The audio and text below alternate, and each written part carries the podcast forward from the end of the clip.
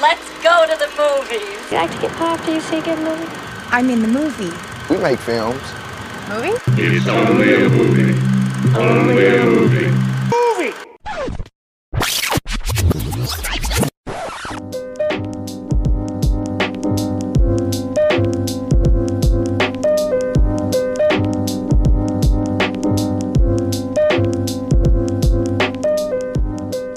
Hej Joachim.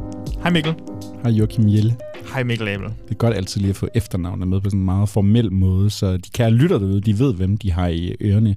Og jeg kan sgu mærke, at jeg har lyst til at lave sådan en klassisk introduktion i dag, så øh, nu har vi allerede fået navnene på bordet, så skal vi ikke bare sammen sige velkommen til, til Movie, Podcast. Podcast. ah, det fungerer ikke så fedt, som jeg havde håbet. Man lytter til en øh, standard 34, Joachim, og det betyder jo, at vi skal anmelde på ny. Det vil være lidt tid siden, så vidt jeg lige husker. Hvad lavede vi egentlig sidste gang i Movie Podcast? Sidste gang i Movie Podcast, der har vi øh, snakket sydkoreanske film. Øh, det var fedt. Det var fedt lige at, at få krydset nogle, øh, nogle film af vores øh, watchlists. Øhm, og så snakke om dem i Movie Podcast. Vi, jeg ved ikke, om, om man lige skal spoile, hvad vi snakker om. Der er, jeg kan se, der ikke er nok i hvert fald, der har lyttet til, til episoden. Så jeg ved ikke, om Ja. man skal tease lidt. Altså, men, men vi har nogle, øh, nogle store film og nogle mindre film. Men ikke sådan noget øh, Vi har, en, vi har en sydkoreansk film fra 1960, som jo yes. på en eller anden måde er den største klassiker, øh, man kunne nærmest forestille Og sig nu- i det regi. Nu sidder jeg og om. redigeret øh, afsnittet, og øh, det er lang tid siden, jeg hørte os så ekstatiske over en, øh, en film. Altså, vi blev ja. helt, jeg føler, vi blev helt giddy. Sådan Ja, helt ja. øh, barneglade. Det var super fedt at få noget sydkoreansk film i tale. Og nu ved jeg godt, de sidste par måneder med Movie Podcast, hvis der er en mand, vi har nævnt usandsynligt mange gange, så er det altså ham der, David Cronenberg. Og vi orker næsten heller ikke at nævne ham igen.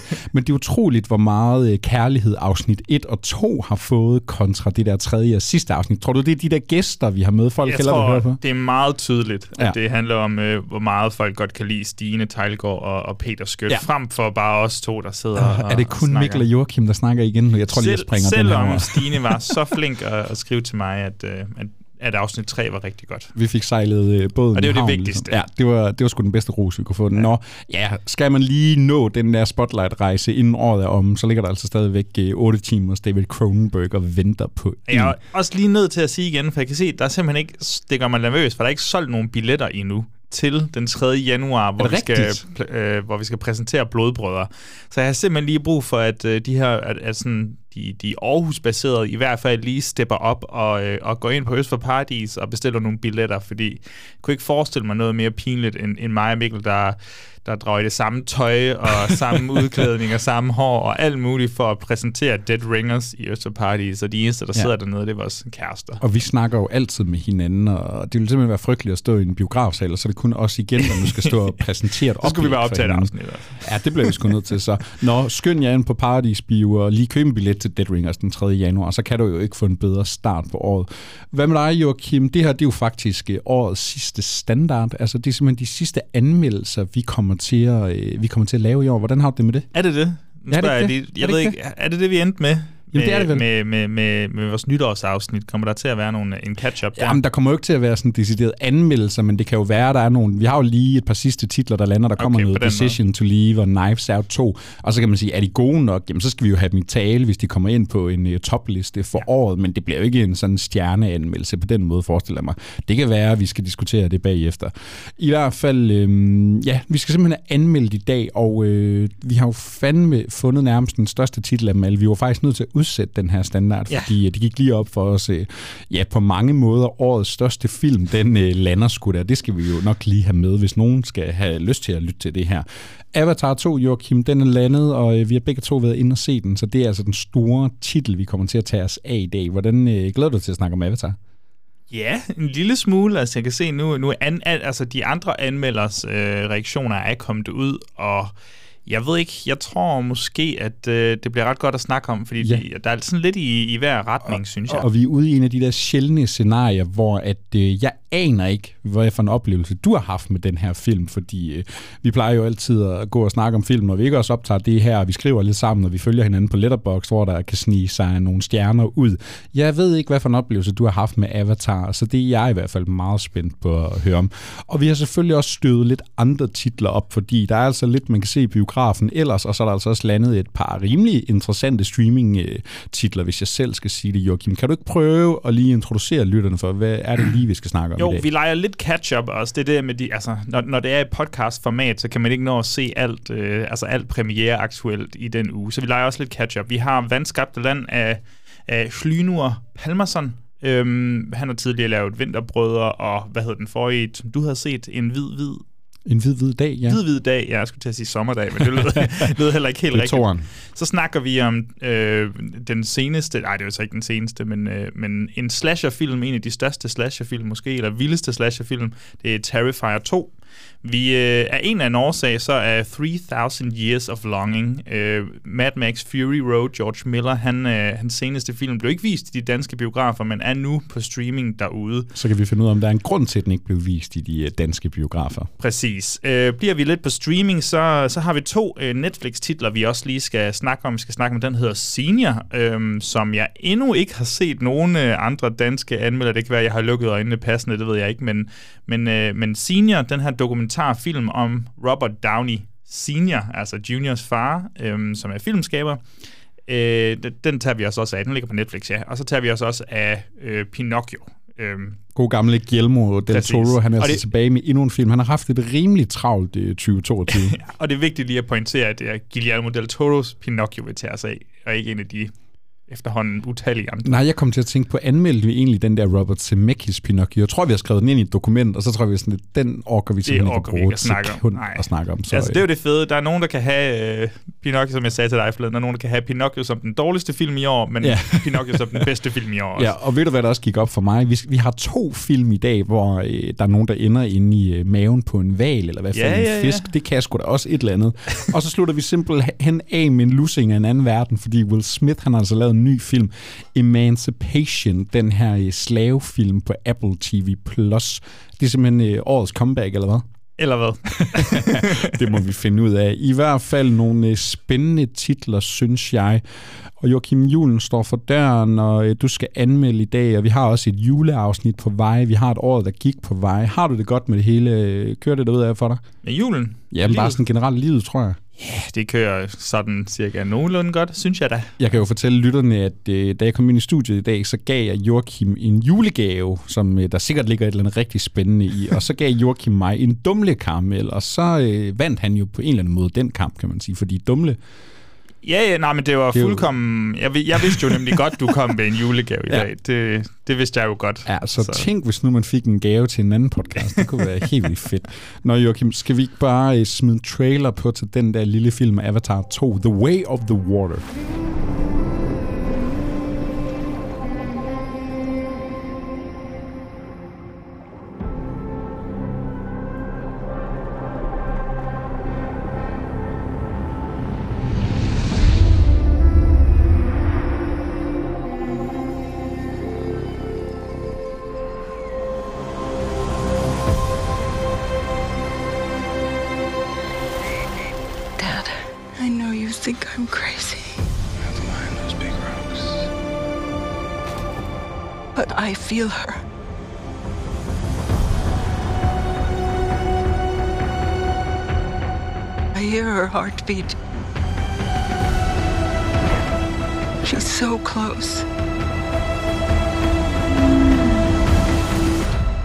Joachim, han var så sød og i rette mig her i pausen og fortælle mig, at den bare hed The Way of Water, og det er jo på mange måder en meget bedre titel.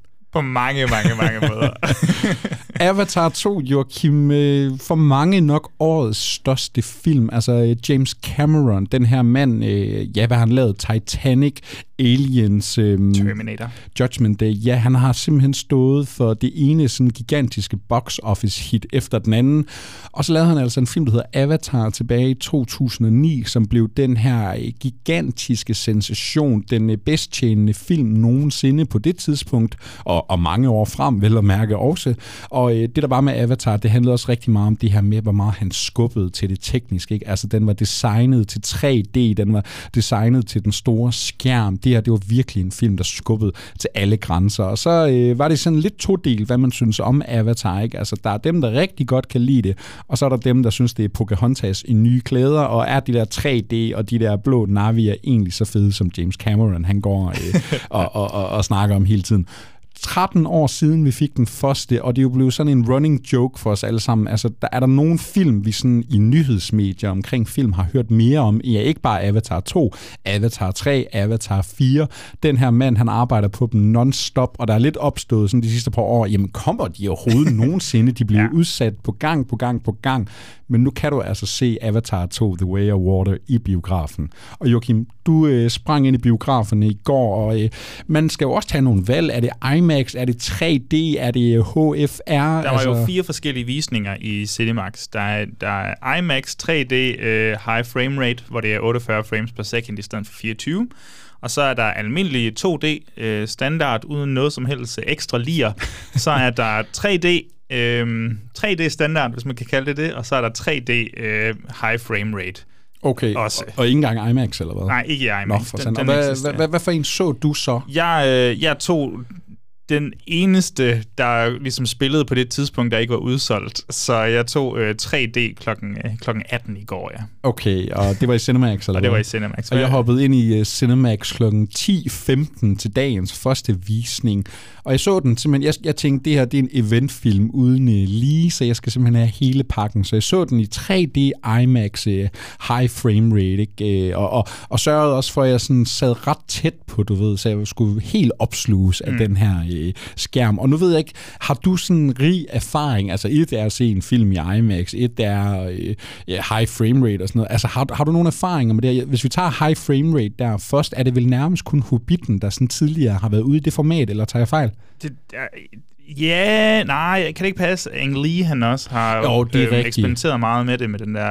Ja, der var Jiminy Man og ja, den der, Billy Lynn's Long Way Home. Ja, jeg kan aldrig huske ja. den titel. Ej, det er rigtigt. Der har været et par stykker, men jeg tror, det var de der Hobbit-film, hvor ja. det ligesom var mest op at snakke, er det her galt eller genialt? Fordi hvad betyder det egentlig, at du får de her 48 frames? Nå, når du spurgte mig der, ja. jeg troede, det var sådan retorisk. Jamen altså, der kommer en eller anden slags motion smoothing, øh, der gør, at, øh, at det hele ser...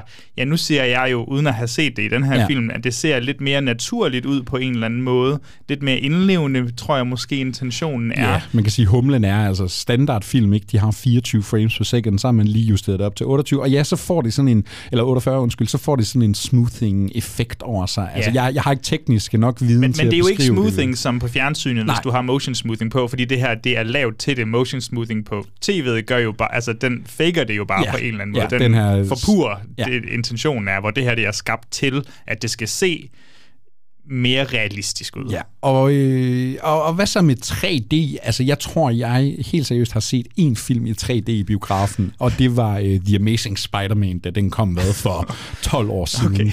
Sindssygt. Jeg har set... Øh, åh, kan det passe? Alice i Eventyrland, blev den vist i 3D? Nej, det, jeg ved Jo, jeg ikke. tror, den, der var der... Ej, ved du hvad, jeg har også set det Gravity, og det er faktisk... Okay. Det kan vi tage der. Den jeg har havde set Mad Max øh, Fury Road i, ja. i 3D. Gravity, den har jeg et ret fedt minde med, at det der 3D, det virkede. Og, og, og skal man lige tage humlen ved 3D, ikke?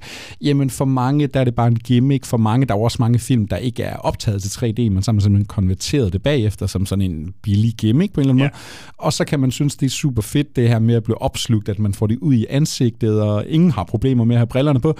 Eller så synes man, de der briller, de er røvirriterende, det der 3D-effekter, det ser totalt latterligt ud, og hvor skal vi overhovedet bruge det til? Hvor ligger du sådan lige i 3D-landskabet umiddelbart? Ja, jeg, jeg, jeg tror, jeg må sige, at jeg ikke er super fan af det, fordi jeg, jeg har en idé om, eller en fordom, at, øh, at, at de her briller, de er, de er mørk, altså de har en mørk linse på, hvis man kan sige det sådan. Og, øh, og det, jeg tror simpelthen ikke, at filmens belysning er korrigeret til øh, den brille, jeg har på, fordi det ser, for mig, da jeg var inde og se den i Cinemax, der så det ufatteligt mørk ud. Også i, altså, jo ikke, fordi jeg ikke kunne se noget. Jeg kunne godt se, hvornår det var nat og dag, men selv dagscenerne så overraskende mørke ud for mig, synes jeg, hvor jeg sådan, skal det ikke være storslået og lyst det her? Ja. Og så er der sådan en tint på af en eller anden art. Ja. Og så tror jeg også bare generelt, der er et eller andet med det der fokus, øh, når man ser det, at, øh, at ting kommer ud imod Ja. dig. Og når folk Ja. især har dialogscener, kan jeg godt Jamen blive også sådan... bare sådan noget som undertekster, Ja. det ser sådan lidt weird ud, ikke? Altså, ja, så jeg, jeg, jeg er ikke sådan fuldstændig hugt, men er, er det også der, du er, siger Ja, det tror jeg. Jeg er heller ikke lige sådan en, der sådan, åh, kommer den i 3D? Det skal jeg bare øh, bede om. altså, jeg tror, det, ja, der er en grund til, at jeg kun har set to-tre film ja. eller sådan noget i 3D. Det, det holder jeg mig egentlig øh, langvejs fra. Men jeg synes her ved Avatar 2 ikke, fordi, øh, ja, nu kan vi snakke forventninger lige om lidt, men jeg har sådan lyst til at få hele spektaklet med. Og så kan vi jo øh, passende tage den, Joachim. Øh, Du har jo det her forhold til Avatar, at, øh, den første, vel at mærke, den originale her, du har lige oplevet den for jeg, første gang. Jeg har lige set, jeg har haft en idé om, at jeg måske har set den som, øh, som Knight på TV3 Plus eller sådan noget, Avatar den første der. Øh, men jeg har netop lige genset den her for i fredag, hvor jeg fandt ud af, at hov, ej, det har jeg sgu nok egentlig ikke. Der er en masse scener, jeg har set derfra. Det tror jeg næsten ikke, man kan undgå, hvis man bare har været nogenlunde interesseret i popkultur her de sidste 13 år, så der er mange scener, jeg genkendt, genkendte. Men, øh, men, men øh, ja, jeg, jeg havde ikke øh, set den før, og så vil jeg sige sådan, min oplevelse med den første film her, det var, meh, altså, Ja den er fin. Den er fin. Den er ikke, øh, altså, den er ikke dårligere end mange af de utallige superheltefilm, der er kommet ud, og den kom jo så lige der ved Iron- Man-agtige ja. tidspunktet. Øh, men den er bestemt heller ikke sådan suverænt bedre end mange af de andre superhelte, sådan blockbuster-film, vi er blevet øh, bombarderet med her på det sidste. Og den, den, er, den, den lider jo under Sam Worthingtons øh, non-acting, øh, eller ikke skuespil. Stjernen, der aldrig blev. Ja, men til gengæld så i Saldana, jeg synes, hun spiller helt vildt godt. Hun får lov til at have sådan nogle ekspressive ansigter, og der kan man mærke, at øh, der er en person under CGI'en. Øh, jeg synes, at øh, selve historien, ja, den er super banal, og det er god mod ond, men nogle gange, så er det måske også helt fint, at det er en god mod ond øh, historie. Øh, den Og- prøver, og så er det selvfølgelig, så, så kan man, altså en spændende element er jo, når nu har vi gået på universitetet, og man lærer en masse forskellige sådan øh, linser, man kan sætte ned over film og sådan noget. Det er sjovt at kigge sådan lidt miljøkritisk mm. øh, på, på det univers. Det er måske det, jeg synes, der er sådan mest interessant. Ja, og hvad med så i forhold til de tekniske bedrifter? Nu kan jeg jo også sige, jeg har ikke fået den genset op til her. Jeg har set den ja, tilbage i 2010, og så har jeg måske lige set den scene her, der er jo sådan, at dukket op på tv.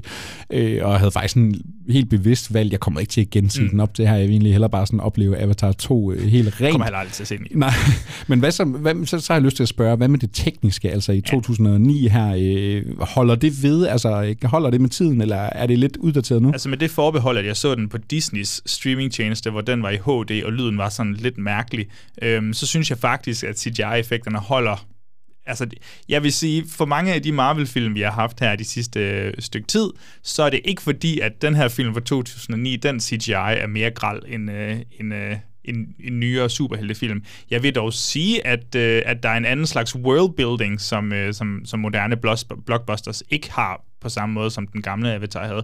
Og så er der så også nogle scener, hvor det står rigtig galt til, vil jeg så sige. Ja. Og nu kan man sige, du har lige oplevet altså, den originale Avatar for hvad, fem dage siden, eller sådan noget, så du har måske ikke haft så meget tid til at have de her eh, Pandora Blues, som nogen jo er blevet eh, ramt af. Men hvordan har det været for dig? Altså, så kan vi også snakke lidt om James Cameron som figur, instruktør og, og historiefortæller. Hvordan har det haft nogen effekt på dig de her sidste 13 år? Fordi altså, det er jo nærmest som om hver dag, ikke, så er der kommet en eller anden nyhed ud i forhold til Avatar 2. Nu er han begyndt at filme, nu har han castet øh, Kate Winslet. Nu vil han gøre et eller andet fuldstændig Ja. sind, han har, sindssygt. Han har opfundet noget nyt, og nu den udskudt og alt det her. Har du haft nogle forventninger til toren her? Har du haft noget glæde, eller har det været der komplet ligegyldigt? Altså sådan personligt eller sådan emotionelt har det været fuldkommen indifferent. Altså jeg, jeg er ikke øh, fan af universet tydeligvis. Øh, ikke fordi dem, der er fans, øh, at der er noget galt med det overhovedet.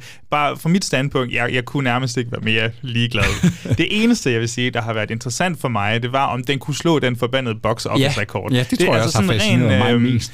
Ren sådan film, øh, hvad hedder det, filmlandskabet. Hvis Ja. man kigger på det perspektiv, så synes jeg, det er super interessant at se, om han kan vende tilbage efter Avengers Endgame, ligesom øh, sparket Ja. øh, Avatar af vippen. Men øh, nu kan jeg ikke finde ud af med de forskellige øh, websites, der ligesom øh, øh, opdaterer de her box office og sådan noget. Men jeg tror, Avatar, efter den blev relanceret her i år, så har den måske kommet over Ja, igen. Jeg så kan var det ikke noget finde med, at den det. kom igen, og jeg, jeg, jeg synes, jeg har læst noget med, altså der er et eller andet med, uh, Avatar 2 her, den har jo kostet, altså inklusive marketing og sådan noget, er det 100 millioner, øh, 100 milliarder kroner, vi snakker om, og den skal altså indtjene... Nå, øh, du så kroner. Fuck, ja. Ja, og den skal altså indtjene øh, de her 3 milliarder, hvis ikke Ja. mere, for ligesom at bare kunne lave en lille profit. Øh, og den skal, for at kunne gøre det ikke, så, skal den, så kommer den til at være op som øh, hvad, en af de fjerde bedst indtjenende film i verdenshistorien. Og det må jo så være, øh, hvad har vi, Endgame og den originale Avatar, måske noget Titanic og noget Gone with the Wind, Star- hvis vi tager Star Force Awakens inflation måske, med. Ja, jeg tror, det var mere domestic, den øh, gjorde så okay, rigtig det- godt. det- Det kan også være lige meget. Øhm, men, men jeg tror faktisk også, det har været det mest øh, fascinerende for mig. Det der med, har Avatar 2 en relevans i ty, altså 13 år senere? Er der helt seriøst, fordi jeg har det fuldstændig som dig, jeg har ikke noget personligt sådan stake i den her fortælling eller det her univers, men jeg, jeg har sådan været lidt fascineret af det der. Jeg tror ikke, man skal undervurdere, hvor meget sådan Avatar egentlig har holdt fast i folk. Fordi jeg har sådan gået og spurgt folk sådan lidt, ah, hvad, Avatar, er det noget, du Ja, ja, jeg skal og se?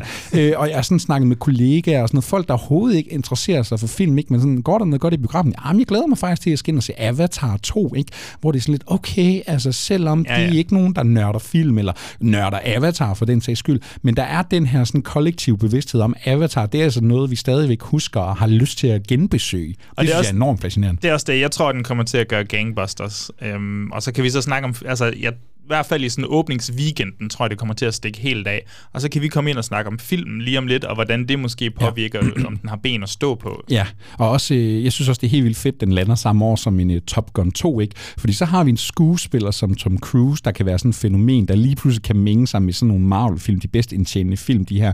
Altså det der med, sådan en, det er nærmest sådan en one-man army, der kan gå ind og gøre det her. Og så bliver spørgsmålet, kan en fyr som James Cameron også være den der type, ikke? Fordi han har jo bevist det før med Titanic, Avatar, ikke? Altså han har jo også lavet finansielle kæmpe succeser ud af Aliens og Terminator. Mm. Kan han bare lige 13 år senere sige, "Men jeg laver Avatar 2, det er det samme univers, så kan man synes om film, hvad den vil, men I kommer til at gå ind og se den, og I kommer til at betale øh, dyre billetter, for I skal have Yes, de her effekter med, og så tjener jeg æder med Men det er også det, altså, der er kommet flere, så vidt jeg har forstået, flere biografer i Kina, som er et kæmpe stort marked. Øh, de har fået flere biografer, hvis de alle sammen, øh, du ved, øh, hvad skal man sige, fokuserer på 3D, så altså, altså det, kunne, det, kunne stikke, det kunne potentielt set stikke helt af. Ja, men jeg siger bare, jeg tror, jeg gav, altså, øh, bare for at få alle de der effekter med, så koster sådan en billet altså 200 kroner, ikke? og så skal du også lige have lidt saftevand og, og sodavand og slik med. Så er det jo en tur, altså det er jo, det er jo en dyr billet lige pludselig, og så, for, og så forestil dig sådan nogle udsolgte sale, og den spiller 10 gange om dagen, hvis ikke mere. Stakkels biografen. Hold da kæft, ja, der bliver altså øh, t- skubbet nogle penge ind. Nå Joachim, Avatar 2, 13 år senere, det er jo på mange måder det samme hold, der er tilbage. Men kan du ikke lige prøve at opsummere for os alle sammen? Hvor er vi nået til? Hvad handler det her om? Jo, hvad handler det om? Jo, nu siger det det samme hold, og det er på sin vis også nærmest den samme historie fra foregående film, hvor, at, øh, hvor menneskerasen af, fordi vi har ødelagt vores egen jordklode, så vi ligesom rejst til den her Pandora-planet for at Ja, altså kolonisere den, invadere den, få nogle, øh, få nogle materialer, og så simpelthen nærmest bo der, tror jeg, det er det, vi ligesom er på vej til, tror jeg. Vi, vi, vi tager en, i hvert fald en masse ressourcer fra den her natur. Og så øh, slutter etteren jo med, at vi øh, får, eller at øh, de her Navis, de indfødte, får, øh, får sparket menneskene ud, og så har James Cameron lige i, på manusniveau her i den nye film lige sagt, uh, der skal simpelthen lige ske, vi skal lige spole de her 13, 13 år frem. Så, så ham her er Jake Sully, vi har, har, har øh, fulgt i den første film. Han er, jeg kan simpelthen ikke huske de der øhm, navn der, Neytiri, Neytiri, tror jeg hun hedder. Neytiri, Ja, tror jeg nærmest er øh, rigtigt. ja. Zoe Saldanas karakter. De øh, har fået en, øh, en øh, godt sling af børn sammen efterhånden, og der går de her 13 år, og bada bing, bada bum, jamen så kommer menneskerasen der lige tilbage igen, og for, øh, for at se, om øh, vi ikke kan ja, stjæle nogle flere ressourcer og, og dræbe de indfødte, og hvad der nu ellers er Ja, på og programmet. en til en, altså det er de samme skurke, det er Steven Yes, Lang yes, det er i, det. i ny forklædning, øh, så at sige. Det er noget, der sker inden for Præcis. de første fem minutter, ikke? Altså, Og han er jo skurken, og han er motiveret af hævn, og, og, og hvad skal man sige, primus motor er jo også, at han er på det her øh, enestående hævntogt nærmest, Ja. øh, på tværs af Pandora-kloden der, fordi Jake Sully, han vil hellere flygte fra, øh, fra nar- de her Narvis, den, altså skovfolkene, som han bor ved, ja. junglefolkene, han bor ved, og så vil han flygte væk for ligesom at sørge for, at de ikke bliver nedslagtet fuldstændig, Ja, så- fordi han har ligesom det indtryk, at de kan ikke vinde over mennesker. Nej, Er det de, sådan, er? de vil blive ved med at jagte Jake til, til han, de ligesom får ram på ham, så han skal væk derfra, og så gør James Cameron og manuskriptholdet det alle gode to at gøre. Vi udvider simpelthen universet, så der findes, altså, der findes jo andre grene af de her Navier, ikke? så ja. øh, de møder simpelthen et søfolk, der sådan har forenet sig med vandet, og er gode til at holde vejret under øh, vandet kontra junglefolket, der er gode til at svinge sig i lianer. Yes. Og så skal de jo både ligesom indfinde sig i det her nye hjem, hvor der er nogle andre traditioner, der er nogle andre ting, man tror på, og så skal de jo selvfølgelig også sørge for at holde sig på afstand af den her trussel, der hele tiden lurer ude i baggrunden.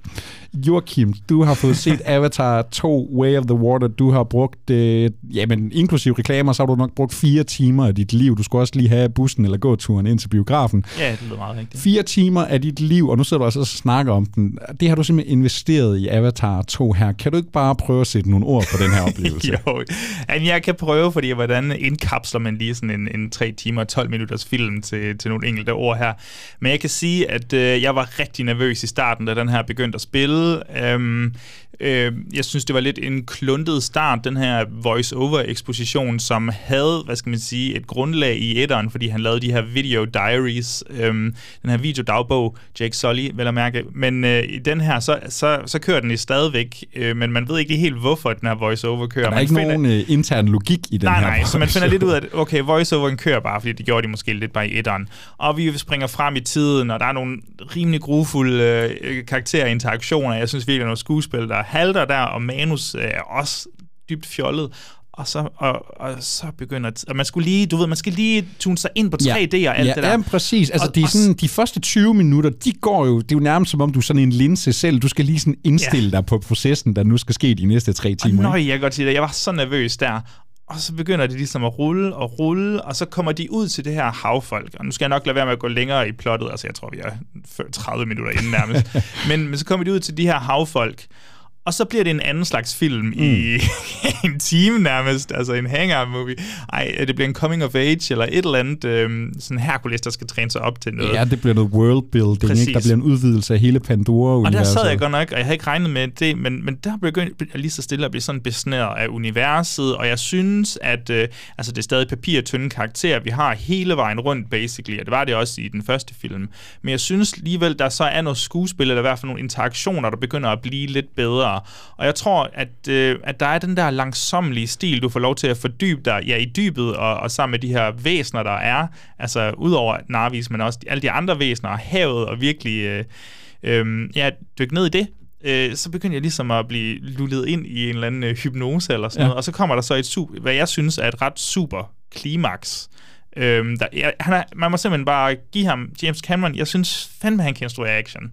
Altså, det her klimaks, det, det er på flere lokationer, og det er med forskellige sådan, våben og, og, og, og kampstile og sådan noget. Jeg synes, ja, jeg synes og- det er og- ret effektivt. Og det er lidt den der Nolan-måde, hvor der Ja. ligesom foregår flere kampe på samme tid. Den er ikke? helt Og- fint klippet frem og tilbage og sådan Ja. noget. Jeg synes, der er god pacing i det, øh, selvom klimakset i sig selv nærmest er en time eller sådan noget. Mm. Øhm, ja, og det siger jeg jo ikke, men stadigvæk, når jeg så er færdig med filmen, jeg har stadig sådan lidt en, okay... Så rammer Pandora bluesen, eller? Ja, så rammer Pandora Blues, man. Så skal bare, jeg skal have den træer snart. Nej. Men, men jeg vil også sige, ja, jeg har været glad undervejs, Ja. men jeg har stadig siddet sådan lidt, åh, giv den nu lidt, altså, der må gerne være lidt mere gas på, der må gerne være lidt mere karakter på, lidt mere plot på, på en eller anden måde. Så det, det er også stadig altså, lidt undervældende. Det er bare sådan en, det er helt fint. Jamen, jeg tror på mange måder har jeg langt hen ad vejen den samme oplevelse. Det er sådan en, også fordi, øh, altså det filmen er, det her sådan hele eventfølelsen omkring den, det her med 3D, altså øh, det der, man begynder sådan, at man vender sig til det, man begynder at blive suget ind i det.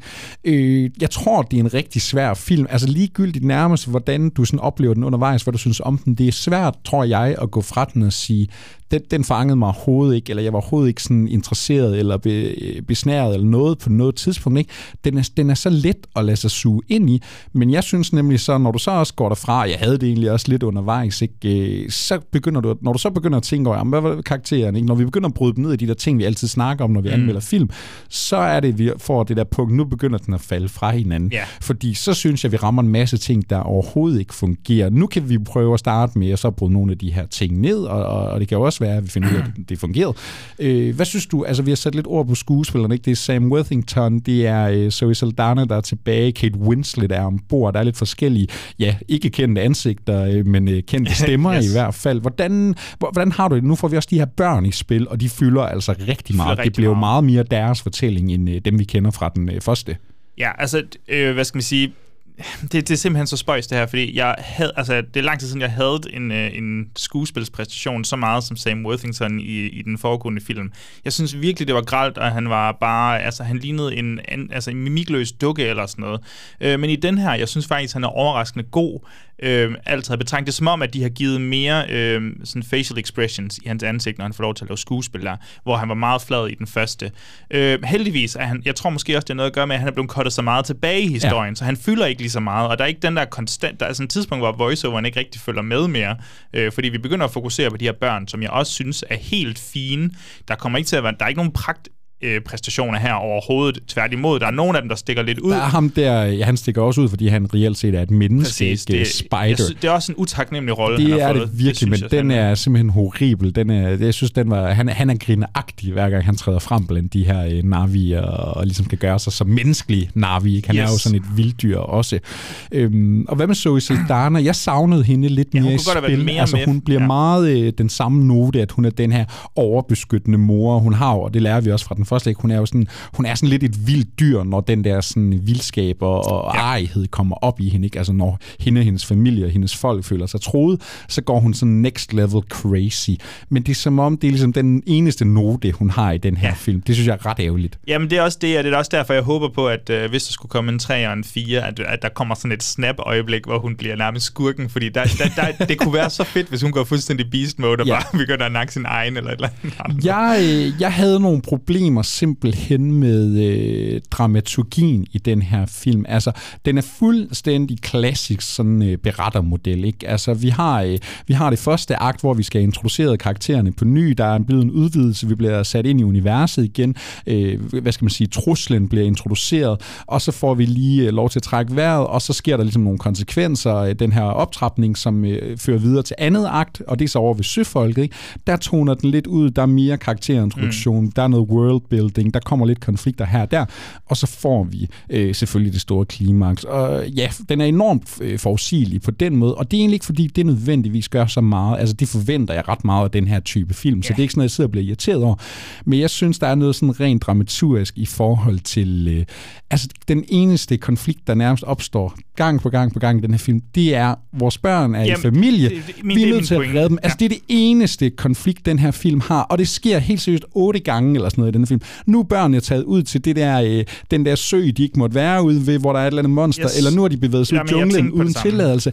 Og det er bare igen og igen til så meget effekt, at da vi rammer klimakset, som jo isoleret set er, er vel instrueret, orkestreret, egentlig effektivt, men det sker bare igen, og så når vi selvfølgelig også, når nu skal øh, børnene tage sig af forældrene også. Altså, åh, jeg var simpelthen så irriteret over, Men- at den men- bare bliver ved. Man er jo både irriteret over det på et manusniveau, men også hvis du gerne vil lave nogle stærke karakterer, eller i hvert fald bare nogle karakterer, som tager ved lære og udvikler sig og sådan noget. Og det er jo måske meget emblematisk for James Cameron som manusmand på den her, det er, at han har skabt nogle karakterer, der som sådan, jo, de udvikler sig en lille smule, men, men det er ret hårdt som, øh, som, øh, som hvad hedder det, tilskuer at skulle være vidne til øh, de her unge børn, unge mennesker, som bliver ved med at lave den samme fejl Præcis. igen og igen. Og, Og- man, det bliver sådan redundant, og når Ja. en film er 3 timer og 12 minutter, så er det meget redundant at have. Ja, og det er også det der med, det er så konventionelt. Altså, du har set den her type Ja, ja, fortælling altså, du er ikke tusind gange. Det er så forudsigeligt, og det er bare så... øh, For mig var det lidt den der effekt af, også fordi du har Jake Sully, Sam Worthington, som guderne skal vide, bare ikke er en særlig god skuespiller. Det synes jeg virkelig ikke. Nej, nej, nej. Jeg synes klart, han, øh, altså, han, han gør egentlig et okay, fint indtryk her,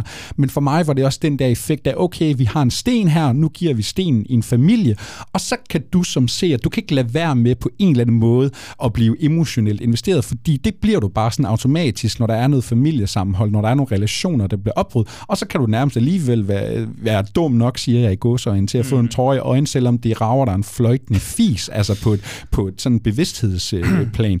Og så, så rent dramaturgisk, rent historisk, og jeg synes faktisk også, det der andet akt, altså nu sagde du, du var egentlig ret glad for tempoet der, det blev Jamen, lidt en synes- hangout-film. Jeg synes sgu, det blev lidt lidt kedeligt. Okay, men det, det er fordi, jeg egentlig godt... Øh, jeg synes, der, der var lidt karakterarbejde der. Man så nogle interaktioner og sådan noget. Det var, jeg, og det tror det meget, det kommer af, at der var så meget fart på i starten, hvor jeg egentlig synes, det var fint mm. lige at, at lige lære de her nye personer at kende, at, de så, at vi så bare ikke lærer dem så meget at kende. Det er så lidt det, jeg synes, der er hemskoen ved, ved hele den uh, sektion der.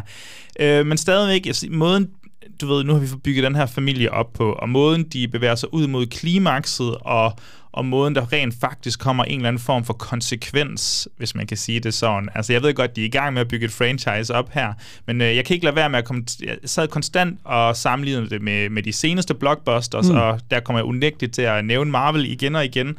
Og der må jeg simpelthen bare sige, at selvom den her film ikke er er, øhm, altså, det, det er ikke fordi, den er 10 gange bedre end alle Marvel-film, der nogensinde er lavet, så er der bare en essens af, af passion for det her univers. Der er, der er passion for den her worldbuilding, der skal laves, og de er på sin vis ikke bange for at tage nogle valg, der skaber nogle konsekvenser. Så kan det godt være, at de ikke rammer lige så hårdt, fordi nogle af de her karakterer er papirtynde og ikke bygget så godt op, men, øh, men det virker som om, at de faktisk er klar på at, at træffe nogle, nogle barske valg. Og så er alle, alle effekterne er jo bare... Altså, det er jo sindssygt, ja. hvor dimensioner bedre end, det er, end alt øh, der gummi CGI i Marvel. Man, altså. man kan godt se, der er blevet kælet for detaljerne de sidste 13 år. Der er blevet skubbet til nogle grænser for, hvad man kan gøre i sådan øh, en, en fantasy-verden her. Men op, hvis vi nu sammenligner med Marvel, og jeg lige må følge op på den, altså oplevede du nogle sådan, øh, skal vi kalde det franchise-syndromer? Fordi vi ved, det at det er en toer, ikke? Der er en foregående, der er også planlagt, der kommer to, øh, måske endda tre mere, ikke? Ja. Jeg synes også, der, altså det var igen også i forhold til dramaturgien, det der med, så to timer inde i den her tre timers film, så bliver der lige pludselig introduceret sådan en, øh, der er noget med nogle fisk, der har en væske, som menneske ligesom vil bruge. Og det er bare sådan, det kommer bare ind fra venstre, det bliver ikke adresseret igen senere. Er det et setup til en træer? Okay, er der nogle karakterer, der ligesom, øh, der er en konflikt mellem skurken og en søn og et forhold, der ligesom er gået i tur. Ja, det, det prøver den lidt at sætte op igen. Det er jo nærmest sådan noget Darth Vader, Luke Skywalker, den prøver Jamen, at sætte op. Star Wars lækker. Ja, er det, er, skal det videre i 3'erne og 4'erne? Og det var sådan, altså det er ikke fordi, det fylder på ingen måde som er. Nu har vi sidst snakket øh, Black Panther 2, der om noget har gang i. Jeg har både en serie og en spin-off kørende samtidig. Mm. Ikke? Det, det er slet ikke på samme måde, men jeg kunne ikke være med at blive sådan lidt ah, det er sådan lidt, koncentrer dig nu bare om din film, i stedet for de der tre 3-4 andre, du også har snakket om de ja, sidste 13 år. Den havde jeg altså lidt... Ja, der, der er nogle af punkterne, der unægteligt er, men på den anden side, altså hvis han ser det, han er, han er jo enten, hvis den skulle floppe den her, så lukker han den af med den tredje film, øh, der kommer, og hvis det skulle gå godt, så har han planer for 4, 5, 6, tror jeg, ja. sådan jeg har forstået det. Men jeg kunne godt bare se det som en trilogi, hvor jeg på en eller anden måde, så, så er jeg sådan, okay, hvis det bliver en trilogi, så kan jeg godt holde til, at der, der er noget genbrug af nogle karakterer, og der er nogle setups til, til nogle større karakterark over det.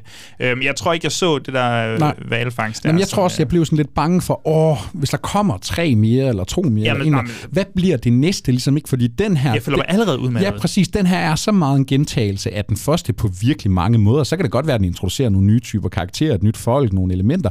Men hvad bliver den tredje? Nå, jamen, så bliver det en ny gren af Navier, og bliver det måske endda den samme skur skurk, nu har du gjort det to gange, ikke? eller kommer der lige en ekstra henchman, I don't know. Men du ved, træeren, den er, altså rent narrativt, hvis vi bare tager den, så er træeren altså seriøst nødt til at gøre noget helt vildt, før at øh, jeg kan hægte mig på at finde noget interesse her.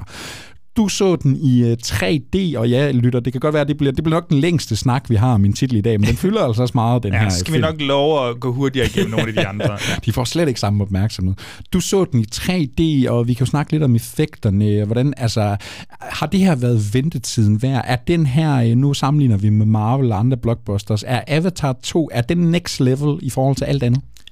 Det, det synes jeg, altså alt andet, hvis vi kigger på, på altså, mm, computergenererede visuelle effekter, øhm, hvad skal vi sige, praktiske effekter og sådan noget, altså sådan man kan også godt kalde Top Gun Maverick for ja. en blockbuster, ikke? og det er jo svært at sammenligne de, de to. Så, så du, jeg er nødt til at spørge, var der et uh, preview af noget uh, Mission Impossible før din visning, eller det er måske kun i Nej, IMAX, IMAX man får har det? nogle uh, bestemte Ja, der var altså et preview af uh, Tom Cruise, der laver et stunt i den næste Mission Impossible. Det var nærmest det fedeste. Men hele, for helvede var det en mand sindssyg. Altså, det var for fedt. Nå, spændende. Det glæder mig meget til at se. Nå, men nej, øhm, pointen var, at øh, hvis vi sammenligner med computergenererede visuelle effekter til andre film, så, så må jeg oprigtigt sige, at der var flere gange, hvor jeg tabte kæben, og jeg synes, at det er helt vanvittigt, hvor flot den her kan se ud, især under vandet og de scener, der kommer der. Øh, og det er, den sparker både Marvel og, og DC ud, som måske er de sådan, mest dominerende kræfter mm. på det her punkt. Altså, det er, jeg vil ønske, at, øh, at Marvel havde, hvis de ikke har sat sig op i det der ulidelige kalender øh, At det skal gå så arrangement, der, stærkt, at det skal gå så og stærkt, og jeg skal underbetale samtlige øh, visual effect artists og sådan noget. Og de har faktisk brugt noget tid på at kære om deres universer og, og få det til at føles øh, realistisk i, inden for deres øh, univers. Ikke? Så øh, jeg vil ønske, at de gjorde bare en brøkdel af, hvad Avatar har gjort her. Jeg, jeg, det, det virker igen allerede nu, en dag inden i diskursen om Avatar 2, føles det allerede redundant at sige, men det er noget af det vildeste, jeg har set, ja. og, øh, og nej, øh, det tekniske betyder bestemt ikke alt, når man ser film, men jeg må godt nok indrømme, at, øh, at, det, at det, den, det hjalp det meget på vej. Hvad, hvad, hvad med 3D-effekten? Altså, gjorde det noget, gør det noget for dig? Nu har jeg jo ikke Avatar? anden... Øh, Eller vil du hellere foretrykke, åh, oh, den gad jeg faktisk godt bare se i 2D eller derhjemme, eller, altså vil, vil det have været det samme oplevelse, tror du, eller gav det dig reelt set noget bedre kvalitet, at det var den her 3D? jeg, jeg, jeg det, er, det er jo svært ja. at reelt at svare på, ikke men, men jeg tror måske godt, jeg kunne have set den uden. Eller jeg vil i hvert fald gerne prøve at se den uden, for at se, om det er meningen, den skal være lysere i nogle scener, og ikke nær så mørkt i, i nogle andre scener. Ja. Men, øh, men der var nogle gange, hvor jeg alligevel kom til at give mig hen til, til 3D-effekterne. Der var faktisk, især i nogle kampscener og, og i sådan nogle højdynamiske scener med eksplosioner og sådan noget, så gav Ja. yeah. det faktisk en ret solid effekt. Hvad med dig? Hvordan havde du det? Jamen, jeg, og jeg vil også sige, især undervandsscenerne. Altså, jeg synes, 3D-effekten fungerer helt vildt godt øh, under vandet.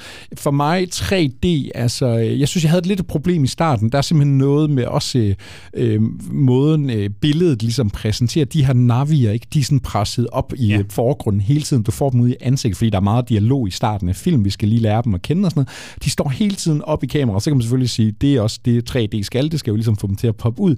Men det bliver sådan helt, det bliver sådan ret irriterende for mig hurtigt, det der med sådan, åh, alt er bare presset i forgrunden. Der er ingen sådan dybde Præcis. i billedet. Det synes jeg, den kommer bedre efter, når den får lov til at trække vejret, og når vi ligesom, man også Faktisk, vender når den sig. kommer væk fra skoven. Præcis, når Ja. man kommer, og, og også kommer ind i rytmen af faktisk bare at se det her. Jeg kan sige, jeg er så sindssygt glad for, at jeg ikke så den her i 2D, eller jeg ventede til, at jeg kunne se den derhjemme, eller sådan noget. Jeg øh, kunne aldrig have fået den oplevelse, nu kommer vi til en vurdering senere, men jeg kunne aldrig have fået den oplevelse, jeg havde med Avatar 2, hvis det ikke var fordi, det var det her spektakel, hvis det ikke var fordi, det var det her sådan event i at sætte dig ned i den største stol med de største popcorn og tage brillerne på og få den der 3D og IMAX og lige pludselig, altså jeg, jeg ved ikke om det er fordi, jeg ikke har teknisk nok viden, jeg havde ikke den store, sådan, jeg kunne godt se, at billedet var lidt anderledes i, øhm, sådan måden, det bevæger sig på i forhold til de her frames. Ja, for det er jo skiftende frame rates. Ja, det er jo ikke ja. 48 frames per second hele vejen igennem. Ja. Det er jo kun i nogle scener, det er det. Så du kommer... Eller jeg, jeg formoder, at man tydeligt kan, kan Det kan du også godt nogle gange, og nogen vil irritere sig helvede til, ligesom der også, altså det irriterer mig, hvis jeg øh, ser derhjemme på mit tv, og så er det IMAX-formatet skifter, det sådan noget kan jeg synes er enormt okay. okay. irriterende, men øh, det synes jeg, altså jeg havde ingen sådan irritation over det her øh, framerate, da jeg så Avatar 2. Jeg synes, det var øh, som at tage en tur i Tivoli, altså det var virkelig det der event og spektaklet ja. omkring det, og, og jeg synes, det er en teknisk bedrift. Du kan virkelig godt se, der er gået 13 år, der er en mand, der har fokuseret på sine effekter, øh, skubbet til nogle grænser for, hvad du kan. Der er altså ikke andre, der kan følge med på det niveau her. Joachim, er der noget, vi skal sige, eller så synes jeg simpelthen bare, at vi skal prøve at øh, smide nogle stjerner efter Avatar? Så er jeg meget spændt på, hvor det kan ende henne, fordi øh, jeg tror, jeg synes, vi lyder mere begejstrede, end jeg har regnet med. Ja, altså, ja, det er jo ikke, det, det er jo svært, når man lige pludselig skal sætte øh, et, et tal på her.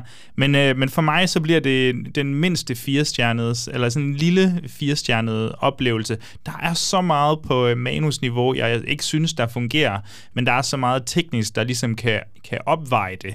Øhm, og, og jeg, altså, siger vi på manusniveau, altså det er stadig, hvis du ser den her og tænker, det er værre end samtlige andre blockbusters, der har været de sidste 10 år nærmest, altså, øh, så tænker jeg, så, så er der fandme et eller andet galt med din forståelse for øh, film, føler jeg. Altså, ja. den, den her, den er ikke dårligere skrevet end Black Adam, eller sådan noget, undskyld mig. Men det Ja, som er en af de bedste film, som er vi en af de bedste år, film det i år, selvfølgelig, men, men mange af de andre superheltefilm, Ja. ja. hvad der nu ellers er, altså Jurassic World og sådan noget, altså hvis, det her, det er ikke værre på et manusniveau. Det Nej, synes jeg. nej, så, så er det nej. fordi, den, den, den tager måske 15 minutter mere af din tid, end, øh, end de andre film gør i biografen. Jeg tror for mig, øh, du giver den fire stjerner. Jeg kommer til at give den store tre stjerner, fordi jeg synes, det er virkelig altså, ofte gralt på det her manusplan, på de her karakterer. Jeg synes, der er noget pacing. Jeg synes, det der andet akt øh, er ret, det bliver ret kedeligt for mig.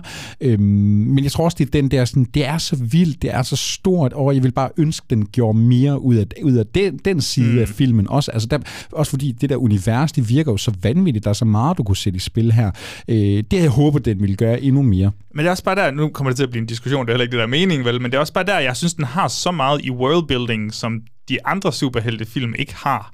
Eller, eller de andre sådan, blockbusters ikke har på samme måde. Jamen, så er det et spørgsmål om, man ikke, altså, at jeg ikke interesserer mig nok Det- for de her altså- Navi og det her Pandora, når alt kommer til alt. Altså, det Ja, kan også ja. være, at der er en grundlæggende mangel på interesse Det kan der. sagtens Der gør jeg ikke øh, for det step videre. Men jeg synes, mine tre stjerner, de går især til, altså de går til visionen, de går til spektaklet, de går til James Cameron, sådan øh, den her gal eller genial, ikke? Altså, det der med, du går den her vej med Avatar, det her med, du har, altså vi har grinet af dig de sidste 13 år, hver gang du har nævnt de her forbandede efterfølger, men du har ligesom troet på det, du har ligesom gået hele vejen. Der er det der fantastiske interview, hvor han bliver spurgt, hvorfor filmer du under vand? Øh, Hvorfor bruger du ikke bare CG ligesom Marvel? Og så siger han bare, jamen, hvad tror du, fordi det ser fucking set- fedt ud? Altså. Ja. Og det kan man altså godt se i hans film. Det ser mm. nemlig fucking fedt ud. Jeg kommer til at forfølge dig for evigt med de der fire stjerner til Black Adam. Det kan jeg kan godt mærke, dem, skal jeg, dem kommer aldrig til at det- live down. Black Adam er en bedre film end Avatar 2. 100% baseret på stjerner i hvert fald. Jeg vil i hvert fald hellere se Black Adam igen, end jeg vil se Avatar 2. Den kan man jo så tage, som man vil. I hvert fald, Joachim, han gav øh, små fire stjerner til Avatar 2, og jeg lander på øh, store tre stjerner. Og øh, skal man se den, så vil jeg virkelig anbefale, gå ind og se den i biografen og få hele pakken med, eller i hvert fald øh, det der 3D, og så øh, skrue op for lyden ind i IMAX. Det, det kan den altså godt tåle, og jeg tror kun, det gør den bedre. Joachim, det var Avatar 2, Way of the Water, eller hvad? Way of Water. Jeg kan ikke The Way of det. Water. The Way of Water. Vi øh, efterlader den i hvert fald her, og så øh, bevæger vi os videre til noget andet, fordi øh, Vandskabte Land, en lille islandsk film er altså landet. De har fundet en deroppe, som kan føre jer sikkert frem.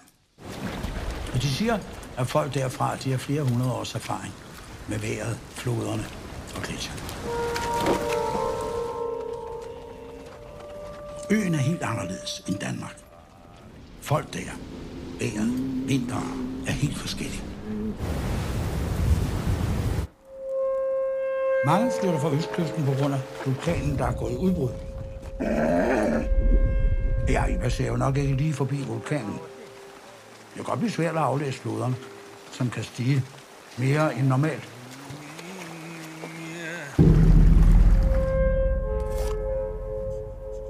Folk siger, at vulkanen den udsender en stank. Som om at jorden har skidt i bukserne.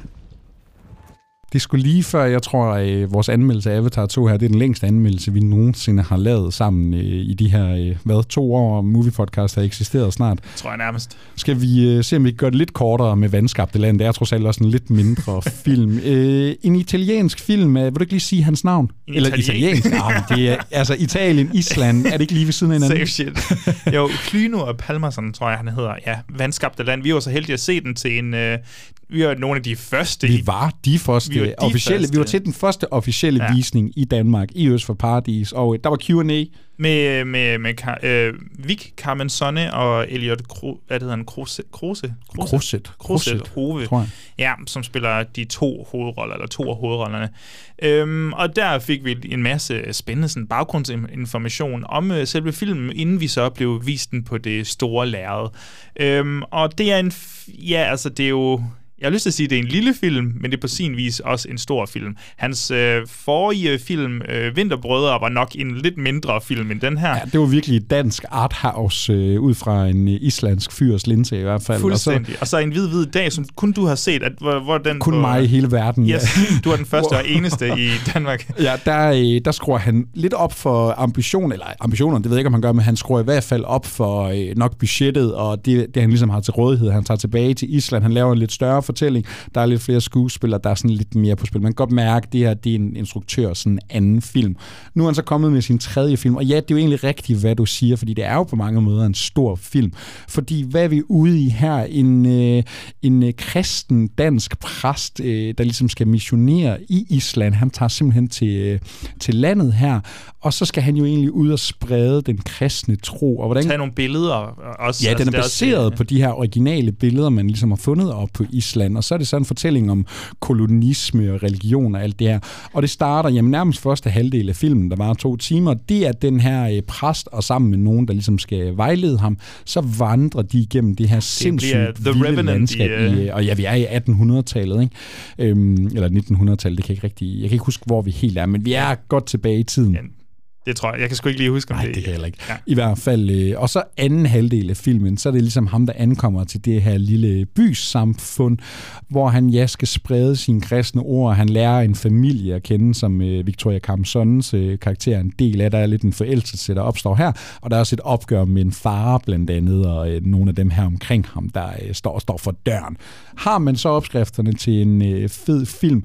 Vi var til den her Q&A, og øh, Victoria Camson og Elliot øh, Hove der, de snakkede rigtig meget om samarbejdet med Hjølner Palmerson. Nu har du kun set Vinterbrød. Hvad, hvad var dit indtryk af den? Den meget, som du sagde, dansk, øh, lidt sådan kunstfilm ja. eller artsy film der, men, men stadig, altså, det er jo slående, hvor stor sådan, vision han har som instruktør, og, og hans visuelle kunde er, er sindssygt god. Der manglede lige lidt på, på sådan selve historien, tror jeg. Men, øh, men jeg synes, det var visuelt var den jo enestående. Ja, ja og, og jeg, jeg kan følge op med en, en hvid, hvid dag. Altså for mig var den tæt på at være et mesterværk. Det her det er virkelig en instruktør, der sådan kender sit sprog, har formet sit eget meget sådan originale sprog, originale fortællinger. Han er heller ikke bleg for sådan, og du ved, så ændrer han lige uh, aspect ratio, og det er jo ikke, Præcis. fordi man ikke har set det før, men han, han har sådan meget sin egen måde at, uh, at bruge teknikker og fortællinger på. Og Joachim, vi var i biografen og se Vandskabte Land. Hvordan, uh, hvordan var din oplevelse sådan generelt med det her? Det er jo en, øh, det er jo en, øh, det er jo en lang film, og den, den kræver lidt af dig, fordi den også er i, øh, i altså forestiller et gammelt øh, fotografi, så er den også nærmest, øh, ja. så er, hvad skal man sige, aspect ratio i den her, det er også, øh, altså formatet er også som sådan nogle gamle fotografier, ja, og der er sådan lidt nogle øh, bøjede ja, kanter det, i toppen. Den er vel nærmest mindre end 4.3, altså ja, men det er også det. det næsten føles som. Og den føles som en, øh, ja, den er skudt på 16 mm, det kan jeg ikke lige, det ved, ved jeg ikke officielt lige nu, men øh, den er dejligt grynet i hvert fald, og det ser super godt ud. Og så er den to timer og 20 minutter, hvor man først følger ham, hvor man følger præsten her i, i sin... Øh, i de natur, altså naturens strabasser, hvorefter han så kommer hen og møder de her andre mennesker, og så skifter den lidt øh, tempo, som du siger, og der skal han pludselig døje med sin på en anden måde med sin tro og, og, og ligesom hans, øh, hans mission. Og jeg synes faktisk, jeg synes, at den var lige en, en tand lang til tider, og den er jo også i et langsomligt tempo, og, og så opererer den, eller så arbejder den med, med nogle af de her tematikker, som man efterhånden har set et, et par gange før øh, med Bresson og Bergman og, og Paul Schrader her, med de her præster i, øh, i eksistentiel, øh, eksistentielle kriser. Og, og jeg synes, den gør det på en ny måde, især fordi vi får lov til at rejse ud i verden, og det bliver storladet natur, altså det, det kæmpe store ydre, der slås mod det på sin vis lille bitte indre, og, og religion ja. især, og maskulinitet og seksualitet for den sags skyld. Så den har, jeg synes, den har mega meget på spil, øhm, og, men jeg ved heller ikke det helt, om den formår sådan perfekt at kode det sammen. Men jeg kan sige, som en, øhm, som en som en visuel bedrift, og som øh, også noget som skuespilsbedrift, og bestemt også, og især musikken også. Altså, der, der er virkelig nogle tekniske perspektiver på den ja. her, der er suveræne. Hvordan var din øh, oplevelse med den? Jamen, jeg tror, det er meget øh, hen af det, du beskriver. Ikke? Øh, jeg synes nemlig, det er mega fedt, at Palmerson, han er så meget en øh, sådan æstetisk historiefortæller. Altså, der er nogle billeder, altså nu kan man sige, man bliver også givet meget øh, af den islandske natur, ikke? men du kan virkelig ja, mærke, det er nogle folk, der har været ude on location, der har taget højde for, hvornår står solen stolen lige perfekt, ikke? Hvor skal du lige stå hen? Den er så sindssygt lækkert pakket ind, den her film. Der er sådan nogle, bare sådan nogle panoreringer hen over nogle vulkaner, der går i ja. udbrud, og, og sådan en zoomen ind på det her sådan magma og sådan noget. Det ser fuldstændig sindssygt ud. Altså, det kun, altså det, filminstruktører, de drømmer om at lave sådan nogle skud her. Han har så bare lige lavet 20 af dem. altså, vi fik at vide til Q&A'en der, der er sådan en, øh, du ser Timelapse. en, ja, der er en timelapse med en ko, der går i opløsning, og det er sådan noget, han har filmet hen over, øh, var det et halvt år eller noget, han gør også noget lignende i, Flere år. Ja, flere år, ja, om, ja. og han gør også noget lignende i starten af en hvid, hvid dag, hvor man ser et hus blive bygget, og det er bare sådan, åh, du går så meget op i detaljerne. Og det smitter går, bare af. Det, Det det, det er virkelig. så fedt, man bliver så betaget. Jeg tror så sådan, ja, skal man tage det sådan narrativt indpakningen, hvad den er i sin helhed. Jeg tror for mig bliver den sådan lidt uvedkommende på en eller anden måde. Det er som om jeg ikke sådan helt bliver inviteret ind i varmen. Det er også en kold film på mange måder, altså måden den er spillet på, måden den ser ud, mm. Island i sig selv. Øh, enormt fysiske præstationer, altså... Øh, Elliot Crosset Hove her, han gennemgår decideret en fysisk transformation. Altså, han øh, går Robert De Niro på den og taber sig helt vildt, og, eller Christian Bale skal man, kan man også bruge. Øh, altså, han laver en decideret fysisk præsen, øh, transformation og samspil mellem ham og Vikram Son. De spillede også begge to over for hinanden i øh, Vinterbrødre. De er sindssygt gode. Altså, giv mig mere af dem. Der er også bare noget, især med, med Elliot der. Altså, han er sådan lidt, han er sådan, du ved ikke rigtig, hvor han er. Hvad er han lige for en type? Han er god ja. til at være sådan lidt weird, men også en, altså en fin fyr. Og, og ham her præsten her, han er sådan lidt ung. Han er sådan lidt naiv, men han har også nogle meninger og sådan et trosystem, ikke? Og det skaber så nogle fede konflikter, især i forhold til de her islandske Yes. folk, som ikke øh, forstår hans trosystem. Det giver nogle ret fede konflikter. Der er blandt andet en øh, dansescene, der udvikler sig til noget lidt mere voldeligt, Den- der er ret fed. super fed scene. Så det ham her, der er jo den her, nej, han er jo ikke tolk faktisk, han er jo guiden faktisk. Uh, Ingvar Sigurdsen er det, ja, han hedder, som også var øh, med i, islandsk legende Præcis. skuespiller simpelthen. jeg tror til Q&A blev han kaldt for Mads Mikkelsen eller et eller Ja, andet. i den islandske stil. Mads Mikkelsen, Ja. ja. sagde de vist. øhm, og, og jeg synes især, udover at der er det der seksuelle eller sådan romantiske aspekt mellem, øh, men, mellem Viggo og Elliot, så er der jo øhm, øh, det, det maskuline aspekt imellem øh, Ingvar og, og Elliot, altså mellem præsten og, og guiden. Og det synes jeg også er super godt, og deres samspil er altså mindst lige så godt som, som hans og, og, og vi, vi Vighamsone. Så jeg synes, der er mange øh, positive perspektiver, men jeg føler også lidt, det er sådan en gammel præst i nye klæder-agtigt. Øh, det, så, så meget nyt tematisk kommer der heller ikke på bordet, synes jeg. Vi øh, lovede at holde det kort, så skal vi ikke bare smide nogle stjerner efter den.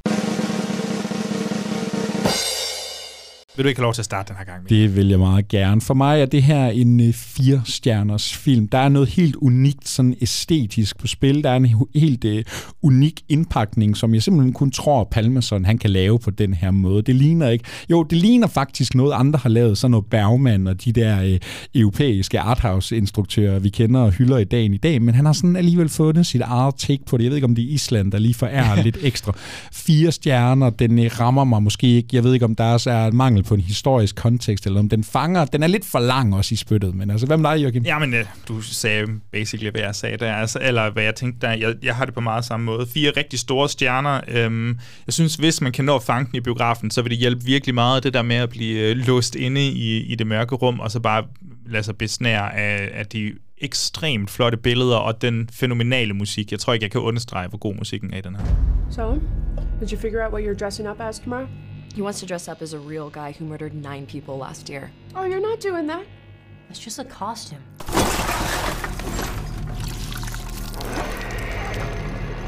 You think that guy's still out there? What's up with you and this clown all of a sudden? You're like obsessed. They never found his body. What if he decides to come back here? I wouldn't worry about it. Wait a minute, aren't you that guy from the costume shop? Sir, what are you doing? It wasn't me. He was covered in blood on his shirt and his hands when he got here. I'm telling you, it was him, Allie. Right down to the little black dot on the tip of his nose. You're really weird, you know that? I believe him. About what? Something really bad's gonna happen tonight. No, I, I know when Jonathan's lying, okay? I, I could hear it in his voice. Something's something's wrong. Look, we're gonna have fun. Mm-hmm. Stress-free environment. Yep. Speaking of surprises, kids, we have a very special guest with us today, all the way from Miles County. Please welcome Art the Clown. Avatar 2 er ikke den eneste sequel, folk har gået og ventet på, Joachim, fordi jeg ved, din Avatar 2, hvis vi snakker øh, spændthed og forventninger, og hvad kan det overhovedet blive til, så er det altså den her lille bitte, jamen nærmest no-budget gyserfilm, Terrifier, som jo er landet med, ja, Terrifier 2, en efterfølger, og den er jo simpelthen gået hen og blevet et øh, kæmpe fænomen, næsten på højde med Avatar, vil nogen nok sige. Ja, ja, og jeg har glemt mig sindssygt meget til. Nej, det, jeg må nok hellere starte med at sige, at jeg, jeg, jeg fuldstændig havde den originale. Jeg synes, vi er, vi er ude i en, øhm, et scenarie, du ved, når, når folk siger, åh, gyserfilm, er det ikke bare splat og, og bras og, og, og lort og blod og alt muligt lort? Jo, altså, der tænker jeg, at den har, der er intet formål ud over at, at destruere øh, med den film. Og det, Det er det var, torture porn, så rent som det overhovedet Fuld, kan være. Fuldstændig. Og, jeg var, og, der, altså, og her har vi ikke engang karakterer, hvor jeg vil sige, i sårfilmene, der er en dag... Altså, Jamen, der er en historie, Der er en historie. Det her, det er karakterer. det her, decideret- det er en skingrende vanvittig klovn, der slår mennesker ihjel. Det er det. Meget brutalt. Meget brutal. og de praktiske effekter er fede, og bla bla bla. Og det er ligesom blevet en, øh, den første film her blev en kul fænomen. Øh, elsket af mange, hadet af formentlig lige så mange. Og her, øh, hvor mange år efter... Jeg tror, den første, den er fra sådan noget 2015, har jeg lyst til at sige. Ja. Ikke? Så der er gået en 6-7 år. Og øh, ja, instruktøren, han er jo også effektmager og manuskriptforfatter og producer. Han er sådan en af de der do-it-yourself-fyre, der har alle kasketter på. Damien Leone hedder ja. han vist. Øh, han er jo så også rundt og blive sådan et kul, han har fået sådan et kultfølge igennem ja, Terrifier og, og, og specifikt den her karakter, han har skabt. Skurken Art the, hvad hedder han? Art the Clown. Ja. Øhm, som ja, er for mange gået hen og blevet sådan en ny øh, gyser-legende på samme måde som Pennywise eller Freddy Krueger, eller hvad man nu ellers kunne nævne. Øh, han har simpelthen fået kæmpe følge, og er den crowdfundet, den her, eller er det, har han, sk- den har i hvert fald ikke kostet mere end en 200... øh, 250.000. Ja, øh, 250.000 dollars, yes. ja. Så det er en øh, total indie independent film, der og han har stået nærmest for det hele Den har selv. tjent sig selv hjem med... Altså, den har Jeg tror, den tjente øh, 11, den har tjent sådan 11 ja. millioner dollars, og det, det snakker os ind i, hvor meget et fænomen den er blevet, den her Terrifier 2, fordi vi får den endda øh, at se i de danske biografer. Det, jeg tror ikke, den første gik i de danske Det biografer. tror jeg bestemt heller ikke. Og det, der så også lige er med Terrifier 2 her, ja, den første, det var rendyrket torture porn, som det overhovedet kan være. Den var nok været en time og et kvarter, har jeg lyst til at sige. Toren her, den var simpelthen to timer og øh, 20 minutter. Jeg tror, det var Mike Flanagan, der skrev på Twitter, eller en anden øh, gyserfyr, der ligesom var opfundet. Nu kan jeg ikke huske, hvad han kaldte det, men der var nærmest opfundet et nyt, øh, en ny gyser-subgenre med en lang slasherfilm, fordi har man nogensinde set en slasherfilm, der var to og en halv time? Det er jo helt forrygt. Altså. Det er godt sindssygt. Og øh, vi har jo også nogle gange nævnt det som en joke på øh, podcasten her. Jeg elsker det der, når øh, nyhederne, ekstrabladet, de skriver, folk de dør under den her film, når de ser den. De brækker sig i lårfede stråler. Der er 8.000, der er besvimet under den her visning. Og det har jo virkelig været historien omkring Terrifier 2 her. Du har kunne se øh, billeder på øh, Twitter og andre nyhedsmedier af folk, der er kommet ud, og så er de besvimet. Om det så er fake eller ej, det kan man jo altid diskutere med sig selv. Der har i hvert fald været en Øh, kampagne omkring den her film. Der har været en hype, der har været en masse sådan virale øh, nyheder, som har gjort til det her fænomen, som det nu så er blevet. Og øh, Joachim, jeg formoder ikke ud fra din øh, afstemning med den første, du gik og glædede dig til Terrifier 2, eller blev du grebet af fænomenet her? Jeg blev grebet i et vist omfang af den her hype, der, der omsnærede øh, øh, fænomenet. Og jeg tror meget, at det, at det handler om, at der er folk, der sagde, at det, de fleste har savnet i, i etteren, det er nu med i toren. Øh, gode karakterer og en historie at følge med i og sådan noget. Det er fordi Damien Leone, han ved ligesom James Cameron, du skal bruge næsten tre timer for at få de her ting i spil. Præcis. Du kan, ikke, øh, du kan ikke komme tæt på nogle personer, hvis din film ikke var nærmest tre timer. Og den her film, øh, jamen så, øh, så var den de her to timer og 20 minutter, og den har da men sandt også nogle hovedpersoner, vi kan følge, som har en grad af kompleksitet, kompleksitet, og der er der en narrativ, der går hele vejen, altså fra start til slut. Det gør det jo unægteligt, kan man sige. Ja, man kan øh, sige, skal man lige sætte fortællingens ramme, så øh, ja, Art the Clown, vi troede ligesom, han var død i den første. Han bliver vækket til live af nogle overnaturlige kræfter, tror jeg, og så øh, kommer han ud, det er ligesom et år siden, den her hændelse fra etteren, den her, jeg tror endda, det er Halloween-aften eller noget, der er sket. Alle de her forfærdelige mor, og han er ligesom blevet sådan en entity på samme måde som Pennywise er blevet. Den her psykopat, man går og snakker om. Og vi følger ja en teenage-datter og hendes øh, lillebror, som er sådan lidt, øh, lidt weird, lidt fascineret af den her klovn. Og, øhm, og hun skal til en Halloween-fest, og, og så bliver det jo egentlig bare folk igen møde med klovnen her, og slipper man fra ham i live eller ej. Jamen, jamen det, det er lige præcis, hvad det, hvad det går ud på. Og så kan man sige, nu har vi det her, det her skelet af en historie og skelet af karakterer. Jamen, øh, fungerer det så? Er det, altså, er, transcenderer den, som den første film, formår den at kombinere to, det er jo helt banebrydende det, det her, Mikkel, prøv at tænke på det, der kommer til at være splatter-effekter, der kommer til at være mor og gore, og så har vi en historie og karakterer samtidig. Er der film, der har gjort det før? Synes du, at den uh, formår at forene de her to? Øh, ja, den forener jo sådan set en, en, en form for historie og nogle, øh, nogle øh, splatter-effekter. Om jeg synes, den gør det særlig godt? Nej, det synes jeg egentlig ikke rigtigt, den gør. Altså, øh, det kan godt være, at Damien Leone, han synes, det skulle tage to timer og 20 minutter, men det er en ekstrem simpel, øh, simpel skåret øh, fortælling, vi har. Det er nogle ekstremt tynde figurer. Altså, det er sådan lidt en emo-agtig teenage-datter, en lidt weird lillebror. Der er noget med en far, der, en fraværende far, er vist en død far, der også de prøver at sætte op. Jeg ved sgu ikke, ja. om de prøver at sætte ham op til en træ eller sådan noget. Du ved, men den, den prøver lige at lave nogle små fortællinger i fortællingen, men den committer ikke rigtigt til noget, og så bliver det faktisk bare, jamen det er nærmest som om, du får Terrifier 1, den får du bare to gange i mm. Terrifier 2, ikke fordi den kan udfylde øh, spillelængden, og så bliver det bare, jamen mor på mor på mor på mor på mor på mor på mor. Og det der jo også er, øh, jamen det million, han stået for de praktiske effekter øh, selv, og den her, det er praktiske effekter, der er altså ikke CG her. Det her, det er øh, kadaver, det er sikkert grisemaver, der bliver skrab, yes, skrættet yes, op, yes, yes. og det er blod og vold. Øh, den er sindssygt voldsom og grafisk og splatteragtig. Altså, øh, er man ikke til sådan noget der, så kan jeg godt tro lidt på de der historier om folk, der besvimer. Ja, sådan ja. Fordi det det her, er det første gyserfilm, du ser. Så. Ja, præcis. Det her, det er et et to timers blodbad. Altså, så meget fylder blodbadet ligesom i fortælling. Hvordan har det så en effekt på dig, Joachim, når du skal se blod i to timer og 20 minutter? Det, det er jo sådan to del på en måde, gør, fordi man kan jo godt se det tekniske i det, at det her det er utrolig velskabt øh, øh blod og indvold og morscener og sådan noget. Og det kan man jo... Øh, det kan man jo værdsætte på et rent og skært sådan teknisk niveau, men, øh, men den følelse, jeg får i kroppen, ender ud med at være en følelse af redundans. Altså det, for mig så er det bare, okay, du, det bliver nærmest sådan et egotrip på en eller anden måde. Se, hvor vilde ja. effekter jeg kan lave. Det, det er fuldstændig... Det har intet at gøre med historien længere på en eller anden måde. Det er bare så grufuldt, som jeg inde i mit lille vanvittige hoved kan, ja. kan finde på. Så, så for mig, så bl- jeg ender ud med at blive lige så ligeglad, som ja. jeg var med den forrige film. Og jeg kan simpelthen ikke lade være med at tænke på, er folk derude så tørstige efter en ny øh, sådan slasher-figur, eller sådan noget. I hvert fald, altså nu er den gået sindssygt godt i USA, ikke? savner de en Freddy Krueger, savner de en Jason Voorhees, eller en, en Michael Myers? Er det, er det det, de higer efter, for yeah, siden altså, den går så godt, den her, fordi Art the Clown havde den nye slasher øh, jamen, figur, vi det, kan det, det er jo en interessant pointe, ikke? Fordi man kan sige, ja, nu har vi lige fået en ny Scream-film i år også, og øh, ja, Jason Voorhees, og ja, vi har også fået en ny Halloween-film, ikke? Det er de her gamle ikoner, der stadigvæk bliver genbrugt, ikke? Så jeg tror helt sikkert, der er et element der.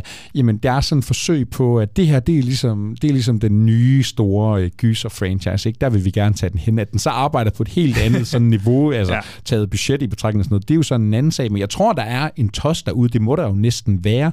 Men jeg ved heller ikke, er der en effekt, at nu har du trods alt din egen gyser-podcast, og har set alverdens uh, splat og gore, og uh, jeg har da også uh, haft mit syn for sagen med alt muligt snask. Du, du er mindst lige så vanvittig. Er, jamen, er man dulmet på en eller anden måde? Altså, har man, er, det, er det simpelthen også en effekt af, altså har du set uh, Cannibal Holocaust og Serbian Film, så gør, gør den her, altså så, hvorfor skulle den så gøre indtryk mm. på dig? Fordi, altså, vi også, når vi snakker praktiske effekter, så synes jeg jo også, altså når man kender sin film, ikke, så er der også det der element af, jamen jeg ved jo også godt, det er bare, altså det er ja, bare, ja. For nogle gange står og hugger i den der vandmelon ja. eller andet. Og det giver nærmest, ja, som du også beskriver, det giver sådan en total redundant effekt, det giver nærmest en komisk effekt, fordi mm. det er bare sådan hele tiden, åh, oh, det, er bare, det, er bare vold, det er bare vold igen. Det er bare vold for voldens skyld, og se, hvor sindssygt det er. Og jeg kunne nærmest ikke være mere ligeglad, og jeg har ikke engang nogle sådan spændende karakterer. Men samtidig, der er jo også en fascination af det her. Fuck, hvor er det sindssygt, at du gør det her. Altså, ja, ja. Hvor er det sygt, at missionen her er en to timer, 20 minutter slasher, som har så meget vold, du altså nogensinde kunne drømme om, hvis du er til det. Det synes jeg, altså det er på en eller anden måde dybt fascinerende og sådan respektabelt, selvom det er helt fucked ja, der er 100 procent, altså jeg, jeg respekterer forsøget i at, at, at skubbe til grænserne, ikke? Og, og jeg tror måske en årsagen til, at den kunne gå så godt, det er, fordi gyserlandskabet er på sin vis præget meget også af sådan altså A24-gyset, eller sådan metaforiske gys, traumegyset Ja. især har spillet en stor rolle, og det her, det kunne godt være sådan en, et, et lille modsvar på alt det, der ellers... Jamen, det er jo øh, enormt interessant, ikke? Nu skal vi selvfølgelig snakke over, der gik ikke, men vi har haft Scream, vi har haft en X, vi har haft en Bodies, Bodies, Bodies film, vi her på øh, podcasten har været rigtig glade for, ikke? Og de arbejder lidt mere over i det der A24-landskab, hvor man sådan lidt netop øh, går imod nogle konventioner. Er det simpelthen, ja, tosten efter de gamle 80'er, øh, tosten efter det slasherfilm var, at prøv at høre, Tørsten efter blodet. se nogle dumme teenager blev fucked up. Der er jo allerede den her infamøse bedroom scene, der bare sådan, altså, hvor, ja. hvor crazy kan vi gøre det? Jeg synes ikke, nogen slasher i hele verden skal vare to timer og 20 minutter. Det er simpelthen for dumt. Men der er altså noget ved projektet her, der er fascinerende, og jeg vil faktisk lyve, hvis jeg sagde, at jeg sådan helt for, for alvor kede mig igennem den her film, fordi det er, altså, missionen er på en eller anden måde så sindssyg. Skal vi smide nogle stjerner efter? Joachim, hvor mange stjerner kan du give den her Terrifier 2? Er Art the Clown, har du fået bestilt uh, plakaten hjem og Halloween-kostymet? Ja, ja, jeg har fået det hele, fået det hele hjem nu, og man kunne købe nogle af de der afhuggede lemmer og sådan noget, dem skal jeg bare have indrammet, og jeg ved ikke hvad. Ej, jeg må sige, at, øh, at jeg kan godt indrømme meget hurtigt, at jeg kedede mig undervejs, så jeg blev sådan lidt, ja, jeg, tænkte- jeg kunne jeg, jeg, jeg var meget skuffet, eller ikke meget skuffet, ja. men jeg var lidt skuffet ved at stadig indrømme sådan lidt. Men øh, som du så siger, det tekniske, der, der, der, er- der, er, en, der er en lille bitte bedrift her. Vi er ikke på James Cameron-niveau, vel, men, men der er en lille bitte bedrift, så det er sådan tre milde stjerner. Altså, det, er jo- jeg, tror, jeg tror, vi har nærmest sagt det, der ligesom skal siges for at forberede folk på, hvad de går ind til. Så hvis der er noget af det groteske, der lyder spændende for dig, hop ind og se den. Ja. Er der, måske, hvis det ikke er så spændende, så er det måske ikke films for dig. Ja, Hvor mange og stjerner? Jeg, jeg, jeg tror også, jeg trækker lidt i land på det der. Ja, den er også lidt kedelig, men jeg tror, det var mere sådan en overraskelse over, om jeg kedede mig ikke så meget, som jeg havde Ja. forventet, fordi jeg var æder med med rad, fordi at den skulle vare to timer og 20 minutter, og det er altså ikke, fordi vi lærer nogle karakterer afsindigt dybt at kende eller noget. Jamen, jeg ekoer dine øh, tre stjerner, det er sådan lige små tre stjerner, det er nok mere missionen og visionen i det øh, galskabsprojekt her, men ja, gå ind og se den, hvis du kan lide blod og splat, altså. My name is Alethea. My story is true. I am a solitary creature by nature. I have no children, no siblings, no parents. I did once have a husband. If there is fate, who can say? But in the Grand Bazaar of Istanbul, I chose a memento. I like it. Whatever it is, I'm sure it has an interesting story.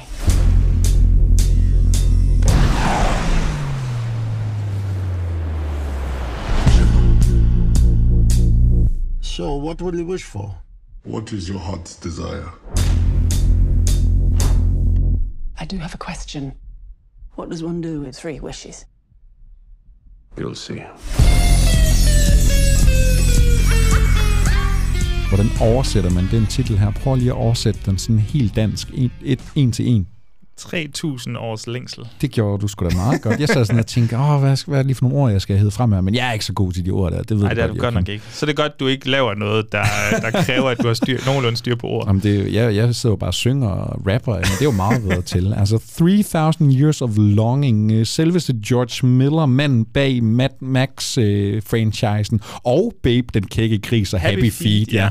Manden, han har altså mange tangenter at spille på, når det kommer til historiefortællinger. Nu er han tilbage med en ny original fortælling, fordi det er, det er altså ikke øh, et, et univers, vi har bevæget os i før, sammen med ham eller nogen andre for den sags skyld. Ja, 3000 Years of Longing, og Joachim, det er sgu lidt en kompleks film, det her, så du øh, får lov til at fortælle, hvad det her det handler om. Du kaster den over på mig. Barsk. Ej, men altså, vi kan lige gentage i starten og så sige, at øh, det er jo en film, der undgik de danske biografer, endte direkte på streaming, og der kan jeg allerede nu godt tænke sådan, hmm, det er måske lidt ærgerligt faktisk. Ja. Fordi det er en film, jeg tror, der var rigtig god at opleve i biografen, fordi øh, George Miller er jo en, øh, en instruktør, der går op i det visuelle, øh, og her går han så rigtig meget op i det i narrativet også, og prøver, og forsøger i hvert fald at kombinere de to, og så kan vi snakke videre Ja, den om skulle jo hvad, have haft premiere tilbage i september, oktober, og jeg forestiller mig, man har siddet som distributør og sagt, om det da ham der, der lavede Mad Max Fury Road, det skal vi da bare bede om, for den var jo en stor succes. Og så har man måske set det, den film, man skulle vise, og så har man tænkt, okay, det minder på ingen måde om Mad Max. Det er lidt mere filosofisk anlagt, det her. Præcis. Og jeg jeg, gør det lige meget kort her. Øhm, den handler om, at den har Tilda Swinton i hovedrollen, og så har den også Idris Elba i, i hovedrollen. Øh, Tilda Swinton, hun spiller en narratolog, en akademiker, som, som fortæller, altså som øh, studerer narrativ og fortællinger og historier.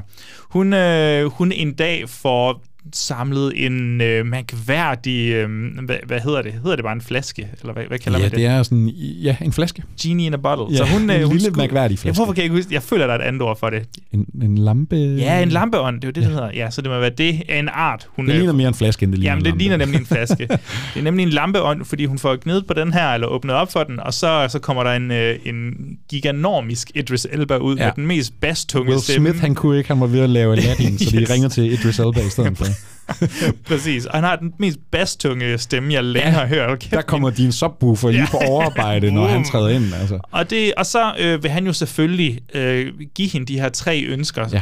Og det er hun lidt modstander af, fordi hun kender til de her ønsker så godt. Altså hun kender jo fortællinger, mange de tusindvis af de her cautionary tales, Ja. der er om, om, øh, om ønsker, dem kender hun, så det gider hun ikke gå op i. Og det, så hans forsøg på at ja, både lære hende at kende, og hende, der lærer ham at kende, det kommer lidt af, at han fortæller om nogle andre oplevelser, han har haft. Ja, som og, og, og ja. også det der med, ja, hun kender historien om, der altid er nogle konsekvenser, de her ønsker, men også det her med mm, Tilda Swinton-karakteren, der lever et meget sådan, altså ensomt, isoleret ja. liv, så hun har faktisk ikke rigtig noget at ønske sig. Altså hun ville reelt set ikke vide, hvad hun skulle ønske sig, selvom Præcis nu kan du ønske dig alt i hele verden. Og det er jo en enormt interessant præmis for en film, synes jeg. Altså, nu kan vi snakke om, øh, ikke fordi alt skal sammenlignes med Avatar, men her har vi fandme en, en præmis og nogle karakterer og nogle kompleksiteter, som vi meget sjældent øh, har set før i hvert fald. Og så er den jo fortalt på en øh, altså fuldkommen vanvittig måde, hvor, hvor George Miller, han, han springer i, altså det er jo en rammefortælling øh, på sin vis. Jamen altså, det er jo på mange måder, øh, altså filmen udspiller sig på et hotelværelse, som er igennem, en, altså mestendels en samtale mellem øh, ånden og øh, Ja. mennesket her, og så ser vi ligesom øh, den nærmest delt op i sådan tre akter, ikke? Vi får tre øh, fortællinger, og der begynder vi så at hoppe tilbage i tiden, ikke? Altså, øh, og, og får det visualiseret. Ja. på den måde. Og det, altså, det synes jeg fungerer ret godt faktisk. Øhm, det er ikke alle de her fortællinger, der er lige spændende, hvis man kan sige det sådan. Øh, Det, det, det er jo ligesom humlen ved at dele sin film op i andre fortællinger og gå væk fra sine hovedpersoner på en eller anden måde.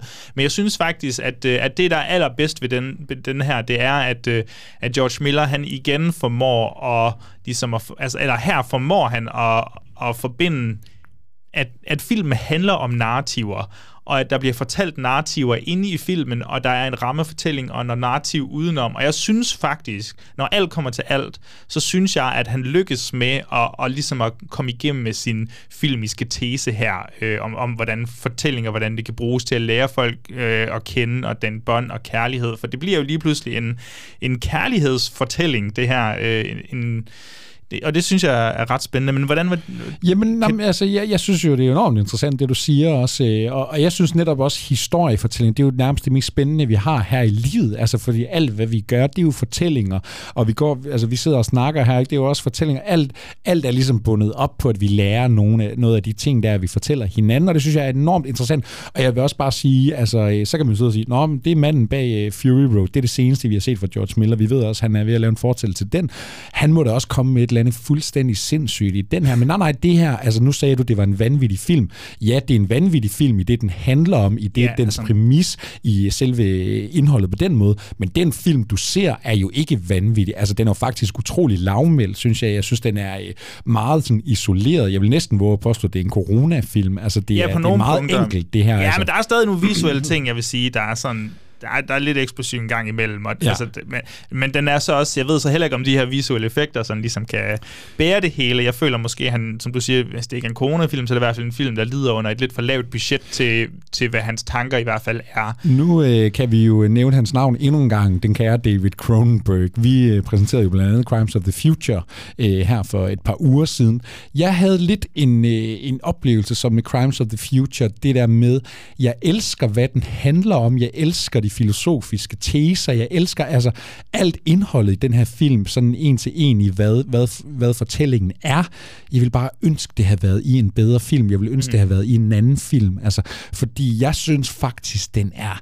Jamen et, jeg ved ikke, om det er en corona-effekt. Jeg synes, den er ret sådan kedelig på den der måde med, at de bare sidder og snakker. Jeg synes ikke, de der historiefortællinger er super øh, sådan interessante, hverken visuelt eller hvad der, hvad der sker i de historier. Altså, jeg var virkelig ikke særlig opslugt af det her, det må jeg sige. Og jeg ved ikke, altså Tilda Swinton, Idris Elba, jamen de gør det fint nok, men jeg havde faktisk øh, oprigtigt talt ret svært ved at hække mig på den her film. Øh, hvordan, hvordan var din oplevelse med det? Du Jamen, virker jeg- noget mere begejstret. Ja, jeg, jeg havde en bedre... Altså, det er på ingen måde en mesterværk, kan jeg lige så godt sige her, men, men jeg, synes, at, øh, jeg synes, at de spiller ret godt, og jeg synes, de der fortællinger der, det er... Jeg synes, det er spændende, hvordan de lige så stille påvirker deres, altså hvordan de påvirker Tilda Swinton og Idris Elbas forhold, og jeg er med på, at øh, der er nogle, altså, nogle de, de visuelle ting, der ligesom ikke øh, kan, kan holde stand, hvis man kan sige det sådan. Men jeg synes sgu stadig, at han leger lidt med, med kameraet en gang imellem. Altså, der, jeg ved ikke, om man kan mærke det direkte Fury Road-instruktøren, der er her, men jeg synes, du Ej, det synes jeg ikke, man kan. Jeg synes, du, nej, det kan man bestemt ikke, men jeg synes, du stadig, du undersælger lidt, hvor meget han leger med kameraet egentlig. Ja, ja, det ved jeg ikke. Det, det var Det- altså ikke min film, Nej, det det er her. bare lige for at få det, få det på plads til lytterne derude. også, det er de skal øh, ikke forvente Crimes of the Future, når de ser den. nej, nej, det var, altså, det var mere i forhold Ja, til jeg skal bare fortællingen. lige- det var bare lige, så det folk er med på det. Den- Nej, men den- helt den er- sikkert. Altså, eh, Crimes of the Future er en bedre film. Øh, men men hvad, hvad hvis nu, men altså, jeg har ikke noget forhold til George Miller, udover at jeg har set Mad Max Fury Road. Altså, jeg har ikke engang set de gamle Mad Max, og jo, jeg har måske set Babe, den kan ikke gris, da jeg var barn eller noget. Tror du, hvis man går ind til den her film, ja, vi har nok allerede afsløret svaret, men hvis man nu bare går ind og siger, det er sgu da ham, der lavede Fury Road, den skal jeg da se, altså den er, og, og præmissen, hvis du lige læser en synopsis, så lyder den jo ret vanvittig. Ja. Bliver man slemt skuffet, eller er der slemt noget at komme skuffet, efter? fordi altså, Fury Road var jo en helt anden film i den forstand, at uh, hele dens fortælling blev fortalt visuelt. Og her har vi Idris Elba, som har en insi- insisterende voice-over, som som nogen kan føle er helt fin, og andre måske kan være lidt modstandere af. Jeg, jeg synes faktisk, den fungerede ret, ret godt hen ad vejen øhm, i den her fortæl- nu når det er en fortælling, det bogstaveligt talt handler om, og hvordan man ligesom godt kan, og han har en ret god stemme også, det hjælper måske lidt på det. Øh, men nej, det er, altså, det er jo ikke Fury Road, der, er- der er lidt færre biler, og, og lidt, lidt, lidt, færre lidt mindre øh, albinoer, mumlende ja. Tom Hardy. Ja. Vi, øh, skal vi se, hvor mange stjerner det kan blive til? Og så vil jeg da gerne starte ud. Jeg synes, øh, det den handler om er enormt interessant, men jeg synes altså, øh, indpakningen er ret kedelig. Men jeg synes til gengæld også, altså respekt til George Miller for lige mellem øh, Fury Road og Fury Road, så siger jeg laver sgu lige den her meget sådan afdæmpede filosofiske film.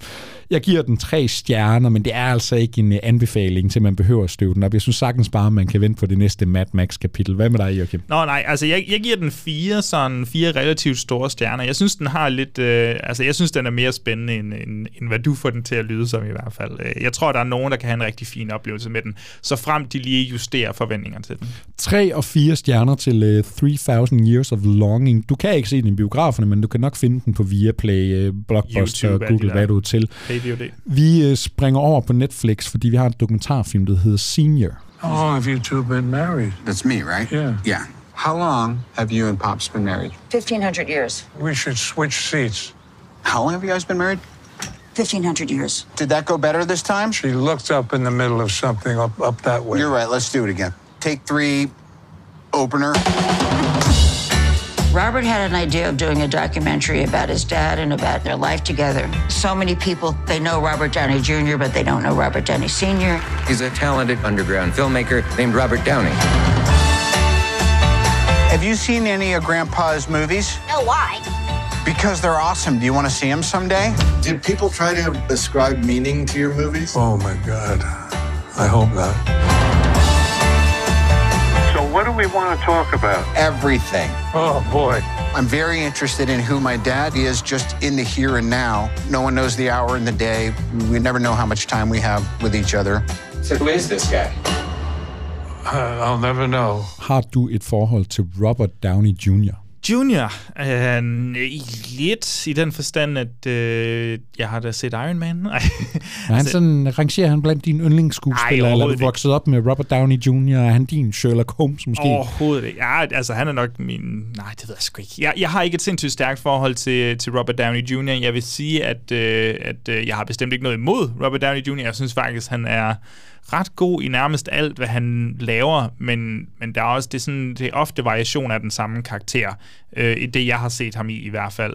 Øh, han er ret god i Kiss Kiss Bang Bang, spiller han også en ret sjov rolle, og han er jo suveræn som øh, Tony Stark, må man bare indrømme. Hvad med dig? Er, du, øh, er det din yndlingsskuespiller? Øh, Lige nej, efter Joe Spinell? øh, Robert Downey Jr., jamen øh, for mig er han lidt sådan en Leonardo DiCaprio-agtig skuespiller, måske lidt nogle andre typer film, men øh, ja, som du også siger, meget den samme udgave af forskellige varianter, man får. Altid charmerende, altid karismatisk, altid sådan lidt asshole-agtigt, og det tror jeg egentlig fungerer rigtig godt for ham. Ja, hans bedste præstationer, det er nok noget øh, Kiss Kiss Bang Bang, Iron Man, som jo har gjort ham til øh, fuldstændig folkeeje. Må jeg hellere nævne Tropic Thunder, bare så der ikke er nogen, der sidder og bliver rasende derude. ja, det er altså en øh, komisk vidunderlig præstation, det er helt sikkert. Så vil jeg jo så spørge dig, Joachim, har du et forhold til Robert Downey Sr.? Jeg har ikke et forhold til ham, nej, men jeg har et stykke tid godt vidst, hvem han var. Øh, men øh, jeg har desværre ikke dykket ned i hans film, men øh, jeg har netop lige set den der øh, dokumentar, som vi øh, snakkede om øh, for et par uger siden, den her Is, it, Is That Black Enough for You? Black Exploitation øh, dokumentar. Som også landede på Netflix for et par uger siden, ja. Præcis, og også er anbefalelsesværdig lige den her ombæring. Men der bliver han blandt andet nævnt, og der var sådan, okay, to dokumentarer på øh, en måned. Nu bliver jeg nok nødt til snart at dykke ned i ham. Ja. Men inden det, så, så, så har jeg ikke set nogen af hans film, men godt vidst, at han var lidt den her altså meget undergrundsinstruktør, ja. eksperimenterende og Fordi jeg tænker, øh, så kan man godt sidde og klø sig lidt i håret. Hvorfor fanden lander der lige en øh, dokumentar om Robert Downey Jr.'s far? Hvem er det lige, han er?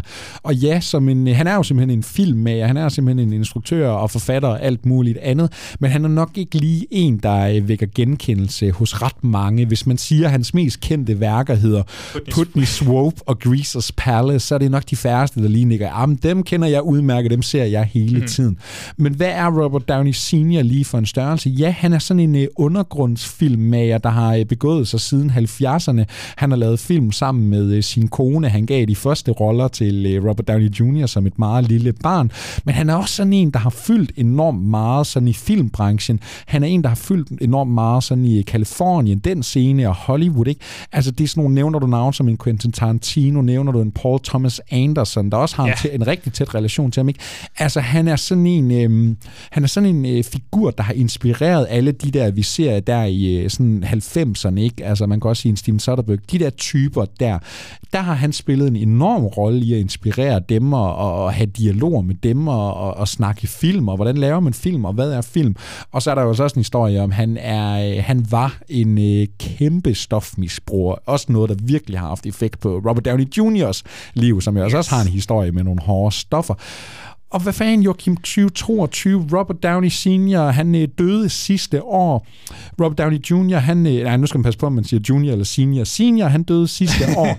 Junior og ham, de har arbejdet på en dokumentar sammen. Jeg tror, den er skudt hen over 3-4 år, siger de i filmen. Vi får en sort-hvid fortælling om, jamen det er faktisk bare sådan lidt en meditation over forholdet mellem far og søn. Vi hopper lidt tilbage i historien. Hvem var Robert Downey Sr.? Hvad blev han kendt for? Hvad var hans film? Hvad var hans mission? Hvordan har hans familie øh, været omkring omkring ham. Hvad har hans liv haft af effekt på folk omkring ham? Fordi ja, han var en filminstruktør, der gik til grænsen og tog sine projekter og gjorde det, han ville. Han var også en, der tog rigtig mange stoffer og noget en, ja, en seksårig Robert Downey Jr. blandt andet har måttet lide under.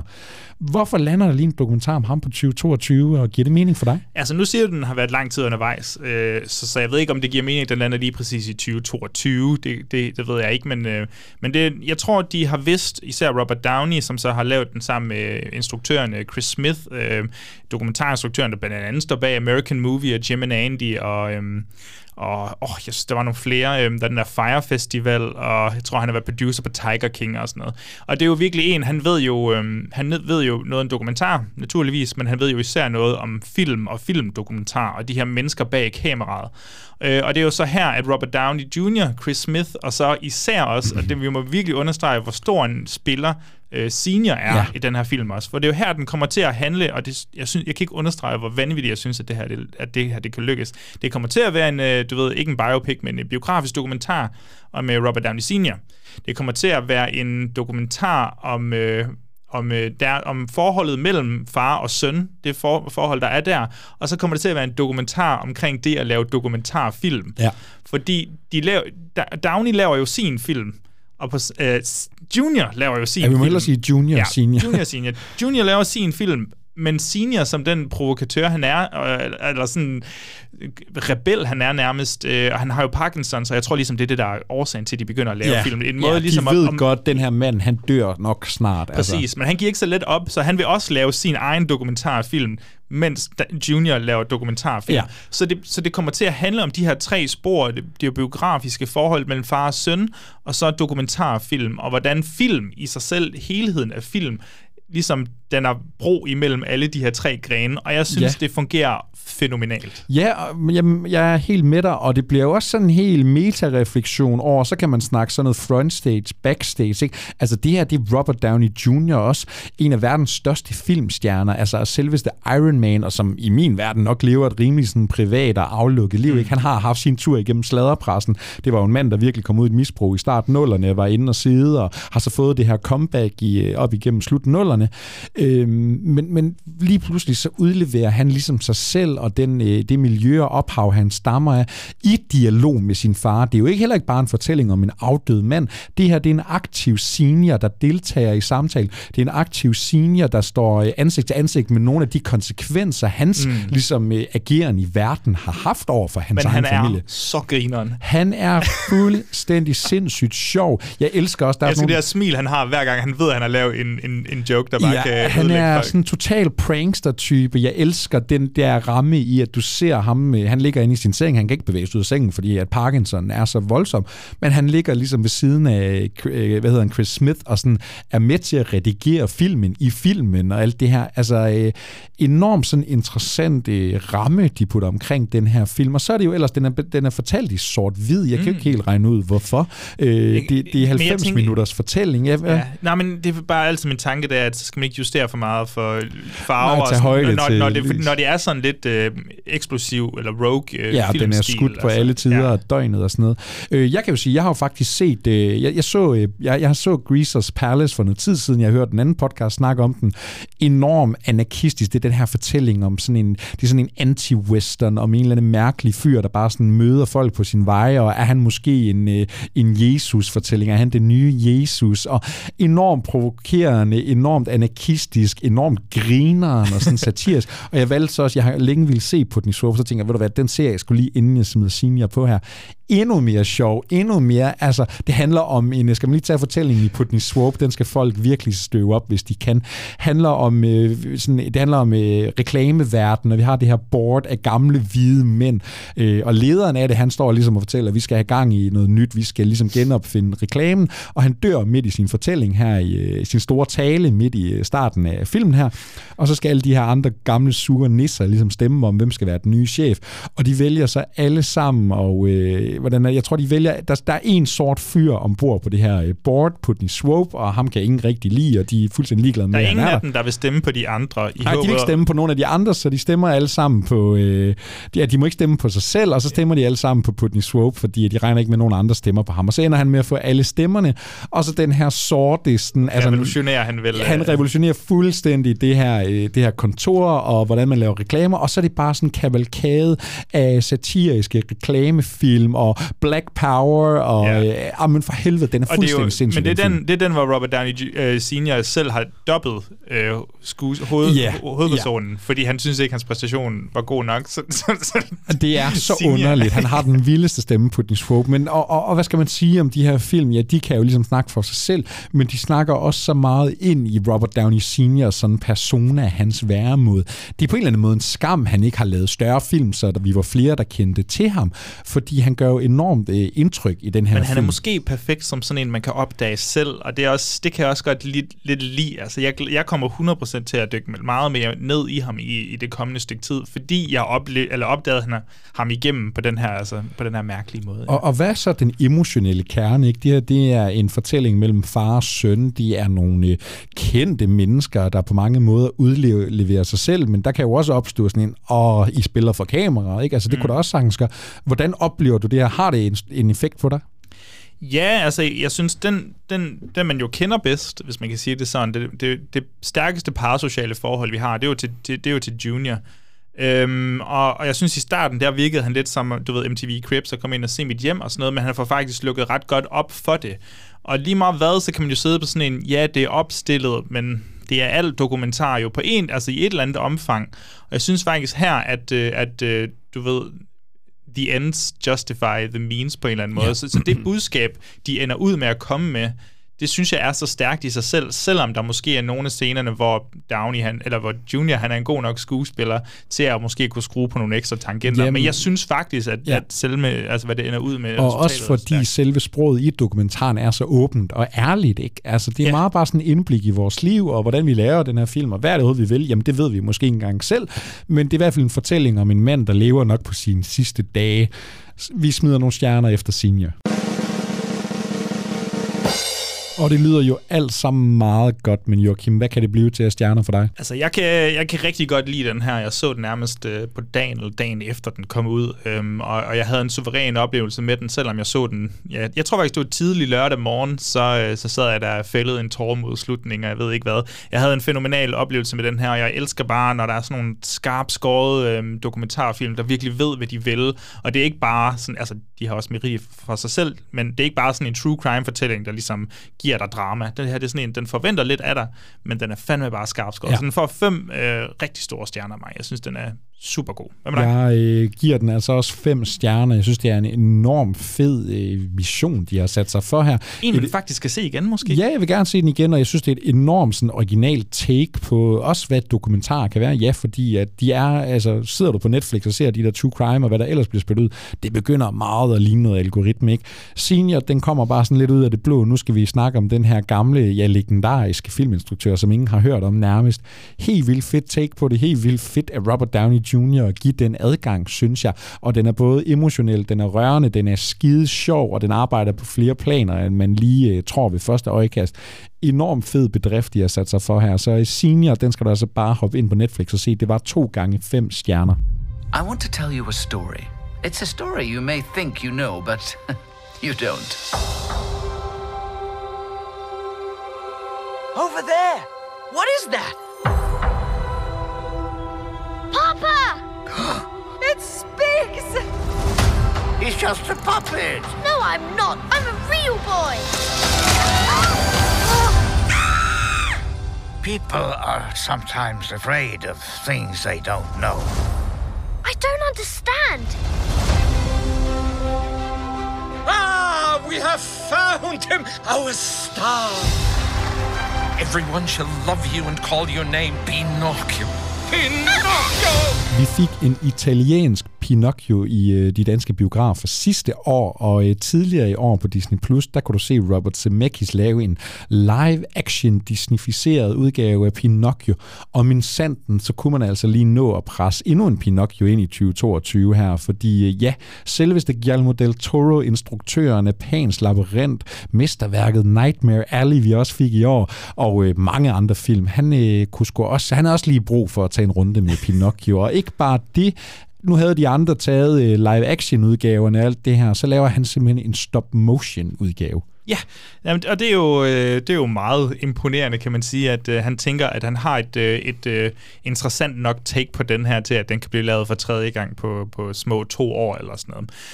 Øh, og det er sådan en, øh, det, er en, det er en film, den har allerede kørt lidt i biograferne, og nu er den så landet på streaming her for en lille uge siden, eller sådan noget, tror jeg det er. Øh, og der er også et, øh, et stort cast bagved, stemmebaseret cast, der er noget øh, Ewan McGregor blandt andet, der er Kate Blanchett, og der er også Tilda Swinton, tror jeg blandt andet.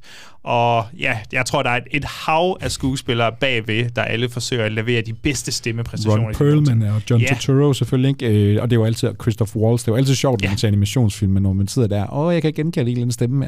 Skal jeg lige slå op, hvem er det lige der? Præcis. Og her har vi altså igen, igen fortællingen om øh, vores kære lille Pinocchio, der bliver vækket til live, og på sin vis øh, ønsker at blive til en rigtig dreng. Og han vil gerne øh, slippe tøjlerne og, og, og have det frie valg, og gider ikke at leve et øh, indoktrineret liv som, øh, som en dukke, hvor alle bestemmer over ham. Øh, hvad Del Toro så lige gør, det er, at han sætter, sætter det under øh, Il Duce, under øh, Mussolini-tiden, og kører noget fascisme nedover, ligesom han er glad for med Pans Labyrinth og Devil's Backbone, og hvad det nu ellers er, hvor det bliver de her mørke eventyr med, med, med fascisme og krig i baggrunden især, der virkelig kan, kan, hvad skal man sige, konfrontere eller udfordre den her uskyldighed, der ofte er i vores hovedpersoner. Og Guillermo del Toro, han har jo haft et øh, ret vildt 2022. Ja, i de danske biografer fik vi Nightmare Alley i starten af året. Øh, han har været ombord med Netflix og lave øh, den her antologigyserserie øh, Cabinet of Curiosity, som han lidt var øh, sådan tovholder på. Og nu skulle han altså også lige øh, være ombord på den her Pinocchio. Kunne du, øh, var du, kunne du rumme mere øh, Guillermo del Toro på nuværende tidspunkt? Ja, altså, det er jo det. Han er jo, en, han er jo en, en, et filmmenneske, jeg elsker sindssygt meget, fordi øh, hans passion, den er jo så, altså den smitter jo mere end noget andet nærmest. Altså, ligesom øh, Martin Scorsese, så, så er de her to jo nogen, der virkelig knus elsker film og filmmediet og for, altså historiefortællinger og sådan noget. Så, så lige meget hvad Del Toro nu og i fremtiden kommer til at lave, Ja. så kommer jeg til at sidde og, og kigge på med store øjne, måske bare fordi han er så dejlig at se på. Ja, og øh, mange vil jo sige mesterværket, ikke? Jamen, det er Pans Labyrinth. Hvornår er den fra? 2006, tror jeg, ikke? Øh, Vi skal lidt tilbage. Jeg havde jo en øh, nærmest transcenderende oplevelse med Nightmare Alley, jeg ikke Ja. helt har kunne forstå endnu, øh, til, som jeg anmeldte tidligere i år. Men hvor, hvor, hvor synes du, formen ligger på øh, Guillermo del Toro? Jeg var for eksempel ikke, nu ved jeg godt, han ikke har instrueret, eller vel nærmest skrevet noget af det der øh, kabinetgyser. Mm. Jo, han har lige et par story credits. Ja, altså øh, den var jeg ikke super imponeret over. Øh, men hvor, hvor, hvor, hvor synes du, sådan formen er på Guillermo? Har han stadigvæk øh, masser tilbage i sig, han skal ud? Eller er du ved at være lidt træt af hans øh, gøren? Nej, nej, nej, nej, jeg er overhovedet ikke træt af det, men, men han er jo en pers- person, jeg sådan respekterer og ser op til mere, end jeg egentlig kan lide hans værker sådan gennemgående. Altså, Pans Labyrinth er unægteligt et mesterværk, og du kan ikke overbevise mig om anden, kan jeg lige så godt sige. Og så er der mange af hans øh, andre film, som ligesom er i sådan varierende grader af, af gode til, til fremragende. Altså, jeg hader ikke uh, Shape of Water, kan jeg lige så godt sige. Jeg synes, det er en helt fin uh, Nightmare Alley, også uh, helt fin, fin, og Devil's Backbone fra, fra Way Back When, den er også uh, super fin. Øhm, så det er ikke, altså, jeg, jeg har, han er ikke min yndlingsinstruktør bestemt, men, øh, men han er en, jeg elsker, ja. Gjorde det så? Fordi så kan vi jo også snakke om, øh, var du parat til øh, mere Pinocchio? Nu er det altså en øh, figur. Ja, hvornår fik vi, øh, man kan sige, eventyret har jo, jeg ved ikke, hvornår bogen, den originale fortælling er, den fra 1800-tallet, det kan jeg ikke engang huske, men man kan sige, vi fik Disneys øh, første tegnefilm tilbage i 1940, tror jeg, den er fra.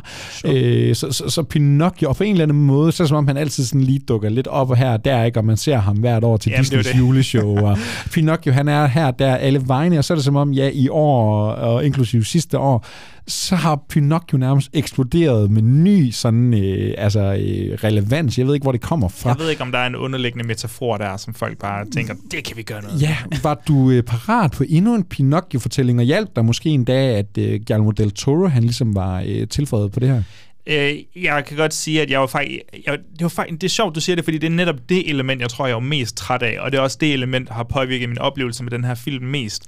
Det er, at øh, det er en Pinocchio-film, og jeg har nogenlunde styr på fortællingen efterhånden, og så bare fordi du... Øh, du, du ved, sætter fortællingen i en, øh, i en øh, samtid fuld af fascisme og krig, øh, meget øh, heavy-handed, eller hvad siger man, meget sådan tydelig øh, subtekst, der er gjort til, ja, ikke subtekst, men teksttekst, øh, og, og nogle metaforer, så der ikke, jeg synes ikke lige, det bliver sgu for tydeligt for mig, og for meget in your face, øh, når man samtidig også kender historien, ikke? Og, Og du har samtidig lige haft den der, ja nu fik vi den vist aldrig anmeldt det Zemeckis, Ja, ja, men jeg tror, vi begge to ville have givet den en stjerne. Det var en det var enstjernes, øh, simpelthen en horribel, måske den dårligste sådan, Disney live-action film, der overhovedet er lavet. Øh, men, men så rejser spørgsmålet sig, ja, altså han sætter den i et fascistisk Italien, han skruer lidt op for den mørke tone, ikke? Jeg tror også, det, det øh, har man læst den originale, ikke? Jamen så tror jeg, man plejer at sige, at det er jo det, er jo det der tit er med de her Disneyficerede versioner, jamen tager du den originale, ligesom øh, den lille havfru, det er lige lidt mere uhyggeligt og, og Mm. forskroet faktisk. Øh, synes du, Guillermo del Toro og Mark Gustafsson, sådan helt generelt, og, og nu kan man også sige, at det er en stop-motion film, vi er ude animeret igen, det er også en musical, altså, synes du, kan du forstå, hvorfor han er draget mod den her mission, og synes du, de tilføjer noget nyt, der simpelthen giver den nogle kvaliteter? Ja, altså, jamen det, det, altså, det der jo så giver den kvaliteterne, det der er det nye ved det, er så dens mørke øhm, vej at, at gå ned på, ikke? og den rute der. Fordi det, det bliver igen fascismen og sådan noget. Det, det er jo mørkt, og det er hårdt slående, når man ser det. Jeg synes også, det fungerer. Altså, det er ikke, fordi jeg hader det fuldstændig. Jeg synes, det fungerer på nogle punkter. Jeg synes bare, det er meget tydeligt. Øh, men, men så er der så det kreative element, kan man sige. Og det er jo nærmest altså formatet til den her film er nok øh, det mest spændende overhovedet ved den. At se, hvor fuldstændig ja, ligesom Avatar, ikke? og hvor, en fuldkommen teknisk bedrift det er at kunne få, få det her univers, den her worldbuilding øh, bygget op, og gjort så indlevende og, og empatisk, øh, fordi altså designet på Pinocchio er jo bare altså fem, fem træ, hvad skal vi sige, træpinde sat sammen. Ja, ja jeg, tror, øh, jeg tror, det er tættere på det design, der ligesom bliver beskrevet i den originale bog, øh, den her sådan træ, mm. virkelig træfigur. Nu er der altså ikke nogen store, søde Disney-øjne længere. Jeg var enormt overrasket over, hvor jeg sådan... Øh, øh, hvor, hvor, hvor, ja, nok hvor sådan draget jeg blev af det personlige drama. Ikke? Jeg har så hørt den her historie 100 gange. Jeg har set især øh, 1940-versionen der ekstremt mange gange. Nok en af mine yndlings, sådan en Disney-tegnefilm. Øh, jeg var enormt sådan begejstret for, hvor den der sådan bare... Altså, det er jo det, der er med Pinocchio, ikke? Den der sådan uskyldige... Det er jo den ultimative uskyld, ikke? Det er bare en trædreng, der gerne vil være en rigtig dreng. Og vi har en Gibet... Hvad hedder en... Øh, Pedo. Geppetto, faren der, ikke, der, har, der har mistet, virkelig har lidet under en tragedie, og nu har han fundet sin, sådan, øh, han, hans søns kærlighed på ny, ikke? Det synes jeg var enormt rørende. Jeg var faktisk overrasket over, hvor grebet jeg blev af det i den her stop-motion-fortælling, ja. som jo på sin vis burde skabe en form for distance, men det synes jeg fungerer enormt godt. Jeg synes, Guillermo del Toro og uh, company, de rammer et hjerte i uh, Pinocchio-fortællingen. Jeg synes, det fungerer enormt godt. Altså den her uskyldighed, der bliver sat op mod kontrasten af den her fuldstændig opslugende, verdensødelæggende krig, der ligger ja. og lurer ude i horisonten hele tiden. Det synes jeg virkelig fungerede godt. Ja, nej, men jeg, jeg er på mange måder enig, og jeg kan også godt lide elementet af sådan, du ved, han, søgen efter personlig frihed kontra hvad fascismen lægger ned over dig. Jeg synes bare, at det bliver smurt så, så tykt på undervejs, at øh, jeg bliver lidt en lille smule ja. distanceret, tror jeg. Og jeg, øh, da første sang kom, altså, øh, hvis, altså det rendyrkede sang, der går simpelthen musical i den. Du ved om noget, Joachim, mit forhold til musicals, det er som regel rigtig ja. godt eller rigtig skidt. Jeg blev sgu lidt nervøs, da de begyndte at øh, synge, og det er ikke sådan, fordi jeg lige har gået og nynnet nogle af sangene siden, eller noget. Jeg ved ikke engang, om det sådan er originale sange, man der har en, lavet, eller, eller hvad det Jeg ved ikke, om de alle på. sammen er originale, Nej. det kan jeg ikke sige, men der er en af dem, der blev nomineret til Golden Globes. Ja, Den hedder okay. den Mio Papa, eller sådan Ja, noget. lige præcis. Øh, men jeg synes fandme, det var sgu sådan, altså det er jo ikke fordi, det er sådan nogle, man sådan nødvendigvis lige går ud og husker og synger og sætter på igen og har lyst til at høre, og de kommer til at forfølge dig resten af livet. Men jeg synes, i den kontekst, det fungerede, den her sådan, den der uskyldighed over, så jeg synes faktisk, det var nogle ret fine små sange, Ja, vi jeg fik. synes også, de, og det synes jeg, det var, sådan, det var nogle gode afbræk i den her sådan lidt, øh, lidt mørke børnefortælling noget, vi skal have sagt om øh, Pinocchio ellers. Altså, det ser blændende ud. Det spiller jo egentlig meget godt, men er det måske mere en træthed omkring Pinocchio, der gør, at vi ikke er helt oppe at ringe, eller hvad? Det kan godt være, at det er en, en ren og skær sådan fatigue, når det kommer til Pinocchio. Det er fandme sjældent, men øh, det er jo ikke en sætning, jeg sådan har regnet med at skulle sige. Man plejer normalt at sige superhelte-fatigue, Pinocchio. ja. men, øh, men vi har en Pinocchio-fatigue her. Der er jo allerede annonceret otte Pinocchio spin-offs og Åh, en serie og tre det er bøger næste år. Ej, jeg, vil, jeg siger, at, øh, at jeg vil ønske, at jeg elskede den mere, fordi at det, det, er en, det er en film, jeg respekterer mere, end jeg egentlig nød at se den, hvis man kan sige det sådan. Men som du siger, der er klart et hjerte, og der er klart noget filmteknisk øh, håndværk her, som er, er enestående, og man kan ikke... Altså, men det smitter bare af på en på en eller anden måde. Så den får fire ja. rigtig store stjerner. Hvad, hvad siger du? Jamen, jeg tror også, øh, et var den der Zemeckis Pinocchio, den sad stadigvæk dybt i mig, hvor forfærdelig den var, og Guillermo, jeg var sådan, åh, ja, Nightmare Alley, fantastisk, Cabinet, ikke lige mit øh, favoritprojekt, du har kastet dig ud i, hvor ligger formen lige på dig, men jeg endte faktisk med at være glædeligt overrasket over den her, det bliver solid fire stjerner, jeg synes, det er en øh, fed fortælling, og, og, og, eller i hvert fald en, øh, ja, ja Pinocchio-fortælling fungerer, der er en grund til, at den er blevet øh, brugt så mange gange, men jeg synes også, det er et super fedt take på den i den her stop motion, og jeg kan se den for mig selv, man kan se hele familien, den, altså alle kan på en eller anden niveau være med her, og det synes jeg øh, fungerer enormt fedt. to gange fire stjerner til uh, Guillermo del Toro's Pinocchio. Den kan du altså finde inde på Netflix. Og så, kære lytter, så har vi faktisk kun én titel tilbage, og jeg tænker, at overgang, det bliver simpelthen mig, der bare giver dig en kæmpe lussing, Joachim, fordi uh, Will Smith, han træder altså ind i studiet nu. Give thanks to God. The Lord is with us. What can a mere man do to me? Papa! I will come back to you!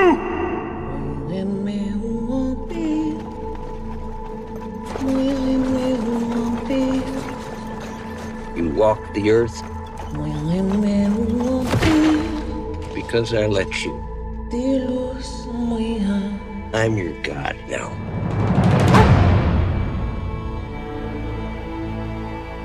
Slaves are free. We must get to Baton Rouge through this swamp. Lincoln's army is dead. There are many ways to die in a swamp.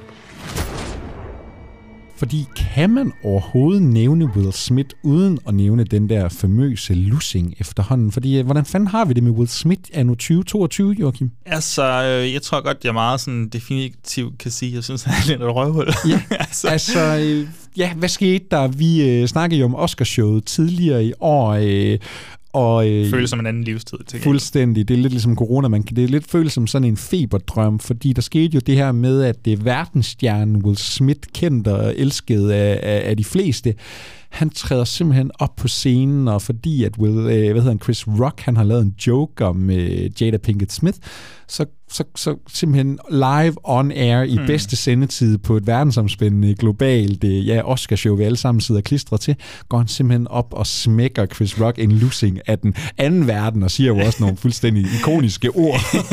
Hvad, keep your et eller andet wives out of my fucking mouth. Det er helt sindssygt klip, altså. Fuldstændig. Ja, men det, er- altså, og det, det skabte mig en øh, debat øh, dagen efter. Der var Ja. nogen, der var på Chris, øh, nej, nogen, der på Will Smith-holdet, synes det var okay, fordi han beskyttede sin kone. Jeg tror meget definitivt, jeg kan sige, at jeg synes nok ikke, det er okay at gå op øh, på scenen og slå. Jeg kan godt forstå frustrationen da, men det var nok ikke den joke, man skulle øh, Nej, det slå nogen det. på Det er verdens det. største tv-film. Men han blev jo, han er jo også, eller hvad, blevet bandlyst fra Oscars show. Ja, fordi så kan man sige, reaktionerne oven på det her, ja, var det forkert, eller øh, meget godt, han gjorde det, men hvad ville konsekvenserne også være? Fordi det der også lige er med til historien, at øh, hvad, minutter efter, en time efter, der går han jo faktisk op og vinder en Præcis. pris for øh, bedste og skuespiller. laver en tale, der nærmest... Ja, lige det lyder som om, han retfærdiggør, hvad han Ja, gjorde. så har vi lige hyldet en voldsmand, eller har vi hyldet Will Smith, den største skuespiller, vi nogensinde har haft. Øh, det kan man jo selv øh, fortolke og analysere på, men han blev lige smidt i øh, skammekrogen, fordi konsekvensen af det her stunt, det var altså, at Oscar Akademiet, de sagde, Will Smith, du kommer ikke lige til at snakke med os de næste 10 år. Jeg tror så dog, han må ikke møde op til showet, Præcis. men de kan vel godt nominere ham og hylde ham, hvis de har lyst til det, og han har lavet en film, der skulle øh, have brug for det.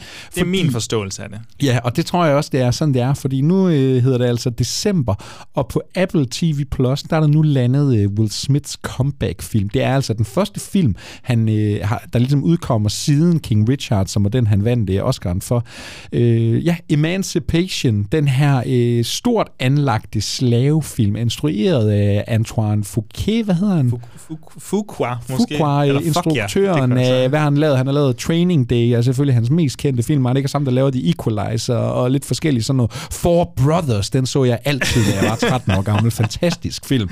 Men lavede han ikke også den der, der kom på den danske remake af Den Skyldige, altså The Guilty, var det ikke også ham, Jo, det var da også ham. Han, jeg tror faktisk, han har haft lidt travlt her på det sidste. Han øh, går og laver lidt forskelligt. Og nu står vi altså med Emancipation her, og øh, Joachim, kan du ikke prøve som altid lige at putte lidt ord på, hvad, hvad handler det her om? Jo, altså vi følger den her um, hav, Hawaii, nej, hvad hedder det, haitiske haitisk-amerikanske, er det sådan, man siger det, haitisk-afrikanske det tror jeg, person, øh, Peter, som er slave. Øh, han, øh, han fl- vi, er nået, vi er på det her tidspunkt, hvor øh, Lincoln har lavet den her Emancipation Proclamation, så vidt jeg har forstået, og, øh, og, og så siger slavehandel, det er simpelthen ulovligt. Eller det, vi abolisher slavehandel.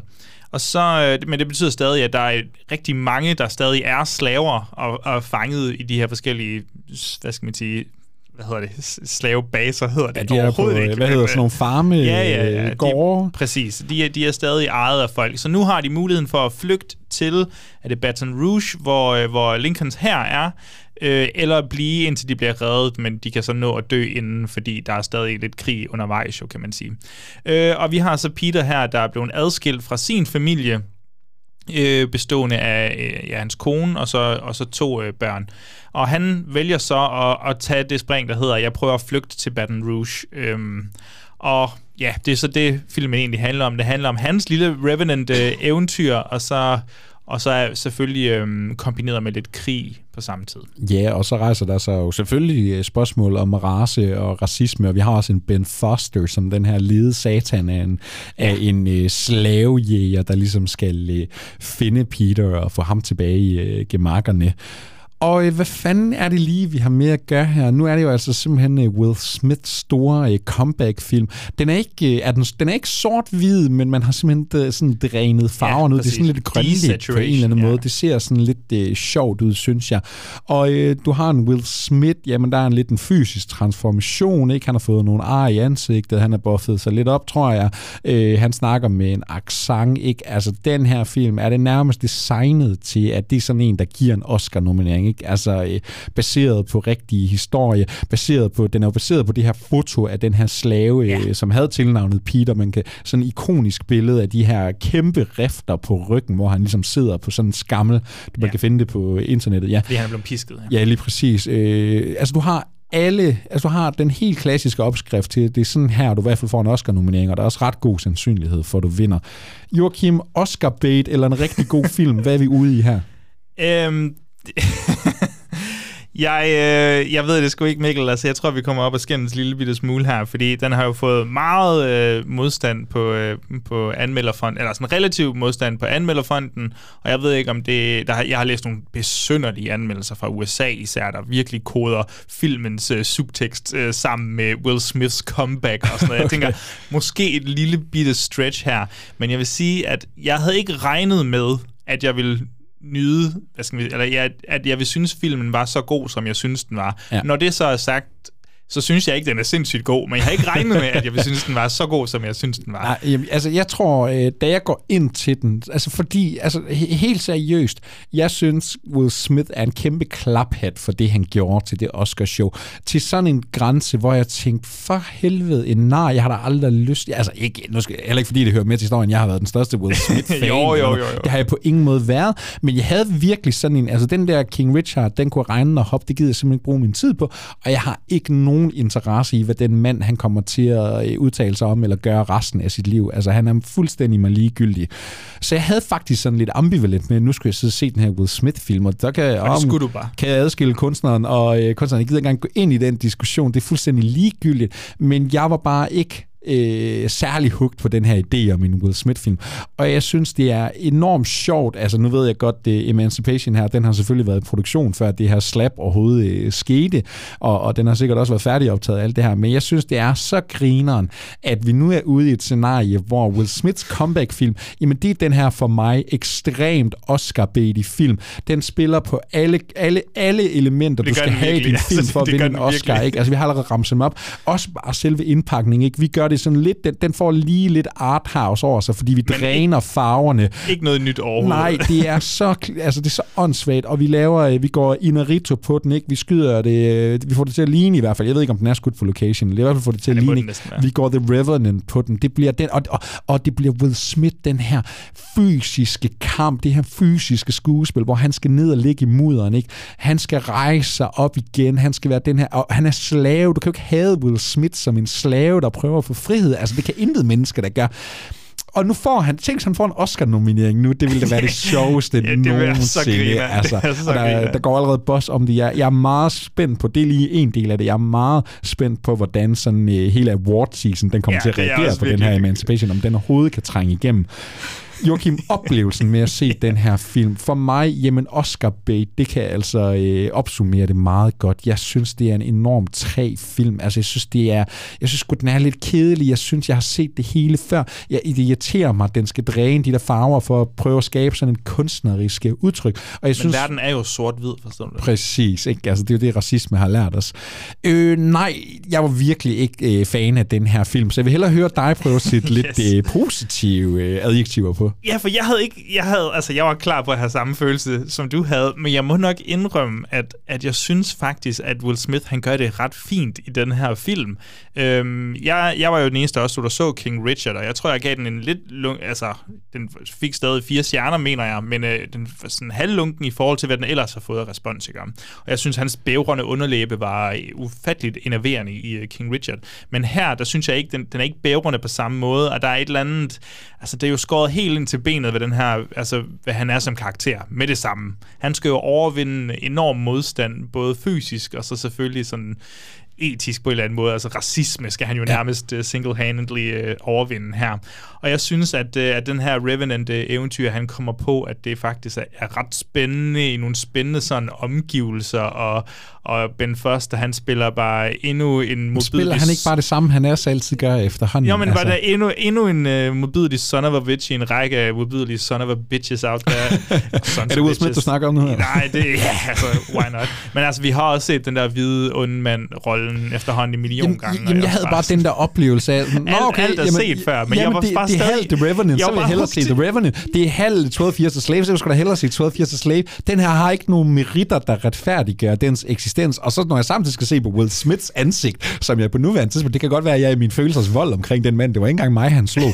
Men jeg synes bare, for helvede var du træls, Will Smith. Altså. Jamen, jeg, altså, jeg, jeg, jeg er jo enig med dig jeg, kan, jeg bliver bare nødt til at sige, at den følelse, jeg havde med filmen, det var, at jeg var egentlig ret draget af det her, af, af hans sådan, kamp mod det hele i naturen. Altså, jeg synes, jeg synes vi kan snakke om color grading og desaturation og sådan Ja. noget, og det, det, er, det er sgu lidt et helvede, men, men på andre punkter, så må jeg skulle sige, at den, den, er, den er ret solidt filmet i dens actionsekvens, eller i sådan, nu siger jeg actionsekvenser, men altså i dens thriller-øjeblikke og sådan noget. Jeg, jeg, jeg blev sgu draget på et helt basalt niveau, altså. og jeg, jeg, jeg synes sgu ikke, at Will Smith har gjort noget forkert. Det, det er min konklusion på det her i hvert fald. Jeg synes, det var øh, lange to timer og 12 minutter. Det øh, skal vi se, om vi kan kondensere til nogle stjerner. Jamen, så lad mig ligge ud. Will Smith anno 2022, han kan altså kun få øh, to stjerner. Og jeg synes virkelig ikke, det er en god film, det her. Jeg synes, den øh, gør alt, hvad bedre og andre film har gjort før den. Jeg synes, den er pakket ind i sådan en... Øh, art, den prøver sådan et eller andet artsy Altså, det virker nærmest som sådan en falsk film. Den er sådan udtænkt til... Ja, det er lige før, den virker til, den er udtænkt til, at vi skal have et Will Smith comeback. Nu skal vi alle holde af ham igen, selvom det er den selvfølgelig på ingen måde. Nej, jeg kan virkelig ikke anbefale den her, om du, kan, om du er på Will Smith-holdet eller ej. Jeg synes ikke, den tilbyder dig ret meget. Joachim, du er heldigvis mere begejstret for Will Smith. Ja, heldigvis, det ved jeg sgu ikke, men altså... Og jeg tror, jeg tror, du ved... Jamen, jeg bliver nødt til at give den små fire stjerner. Altså, jeg, jeg, jeg vil anbefale folk at se den, men Fire for helvede, hvor det gør det ondt på en eller anden måde. Ja, ja fire håndmadder. Du har lige hyldet en voldsmand. Hvordan har du det med det? Det, altså. det skal ikke være første gang, altså. ah, du er styg. Altså, fire stjerner til Emancipation. De mindste og, øh, fire stjerner. Der er, ja. ikke- den gør ikke noget nyt. Nej, to og fire stjerner, det er, hvad Will Smith det kan blive til. Jeg er enormt spændt på, hvordan den her den kommer til at gøre sig i awards Jeg håber på en eller anden måde, at den kommer til I at... want the drama. Ja, Altså, det vil det jeg virkelig også gerne have. Lad os se, øh, hvordan det udarter sig. I hvert fald sidste anmeldelse i dagens afsnit. Vi smider en øh, breaker på, og så skal vi bare lige have opsummeret og afsluttet det her.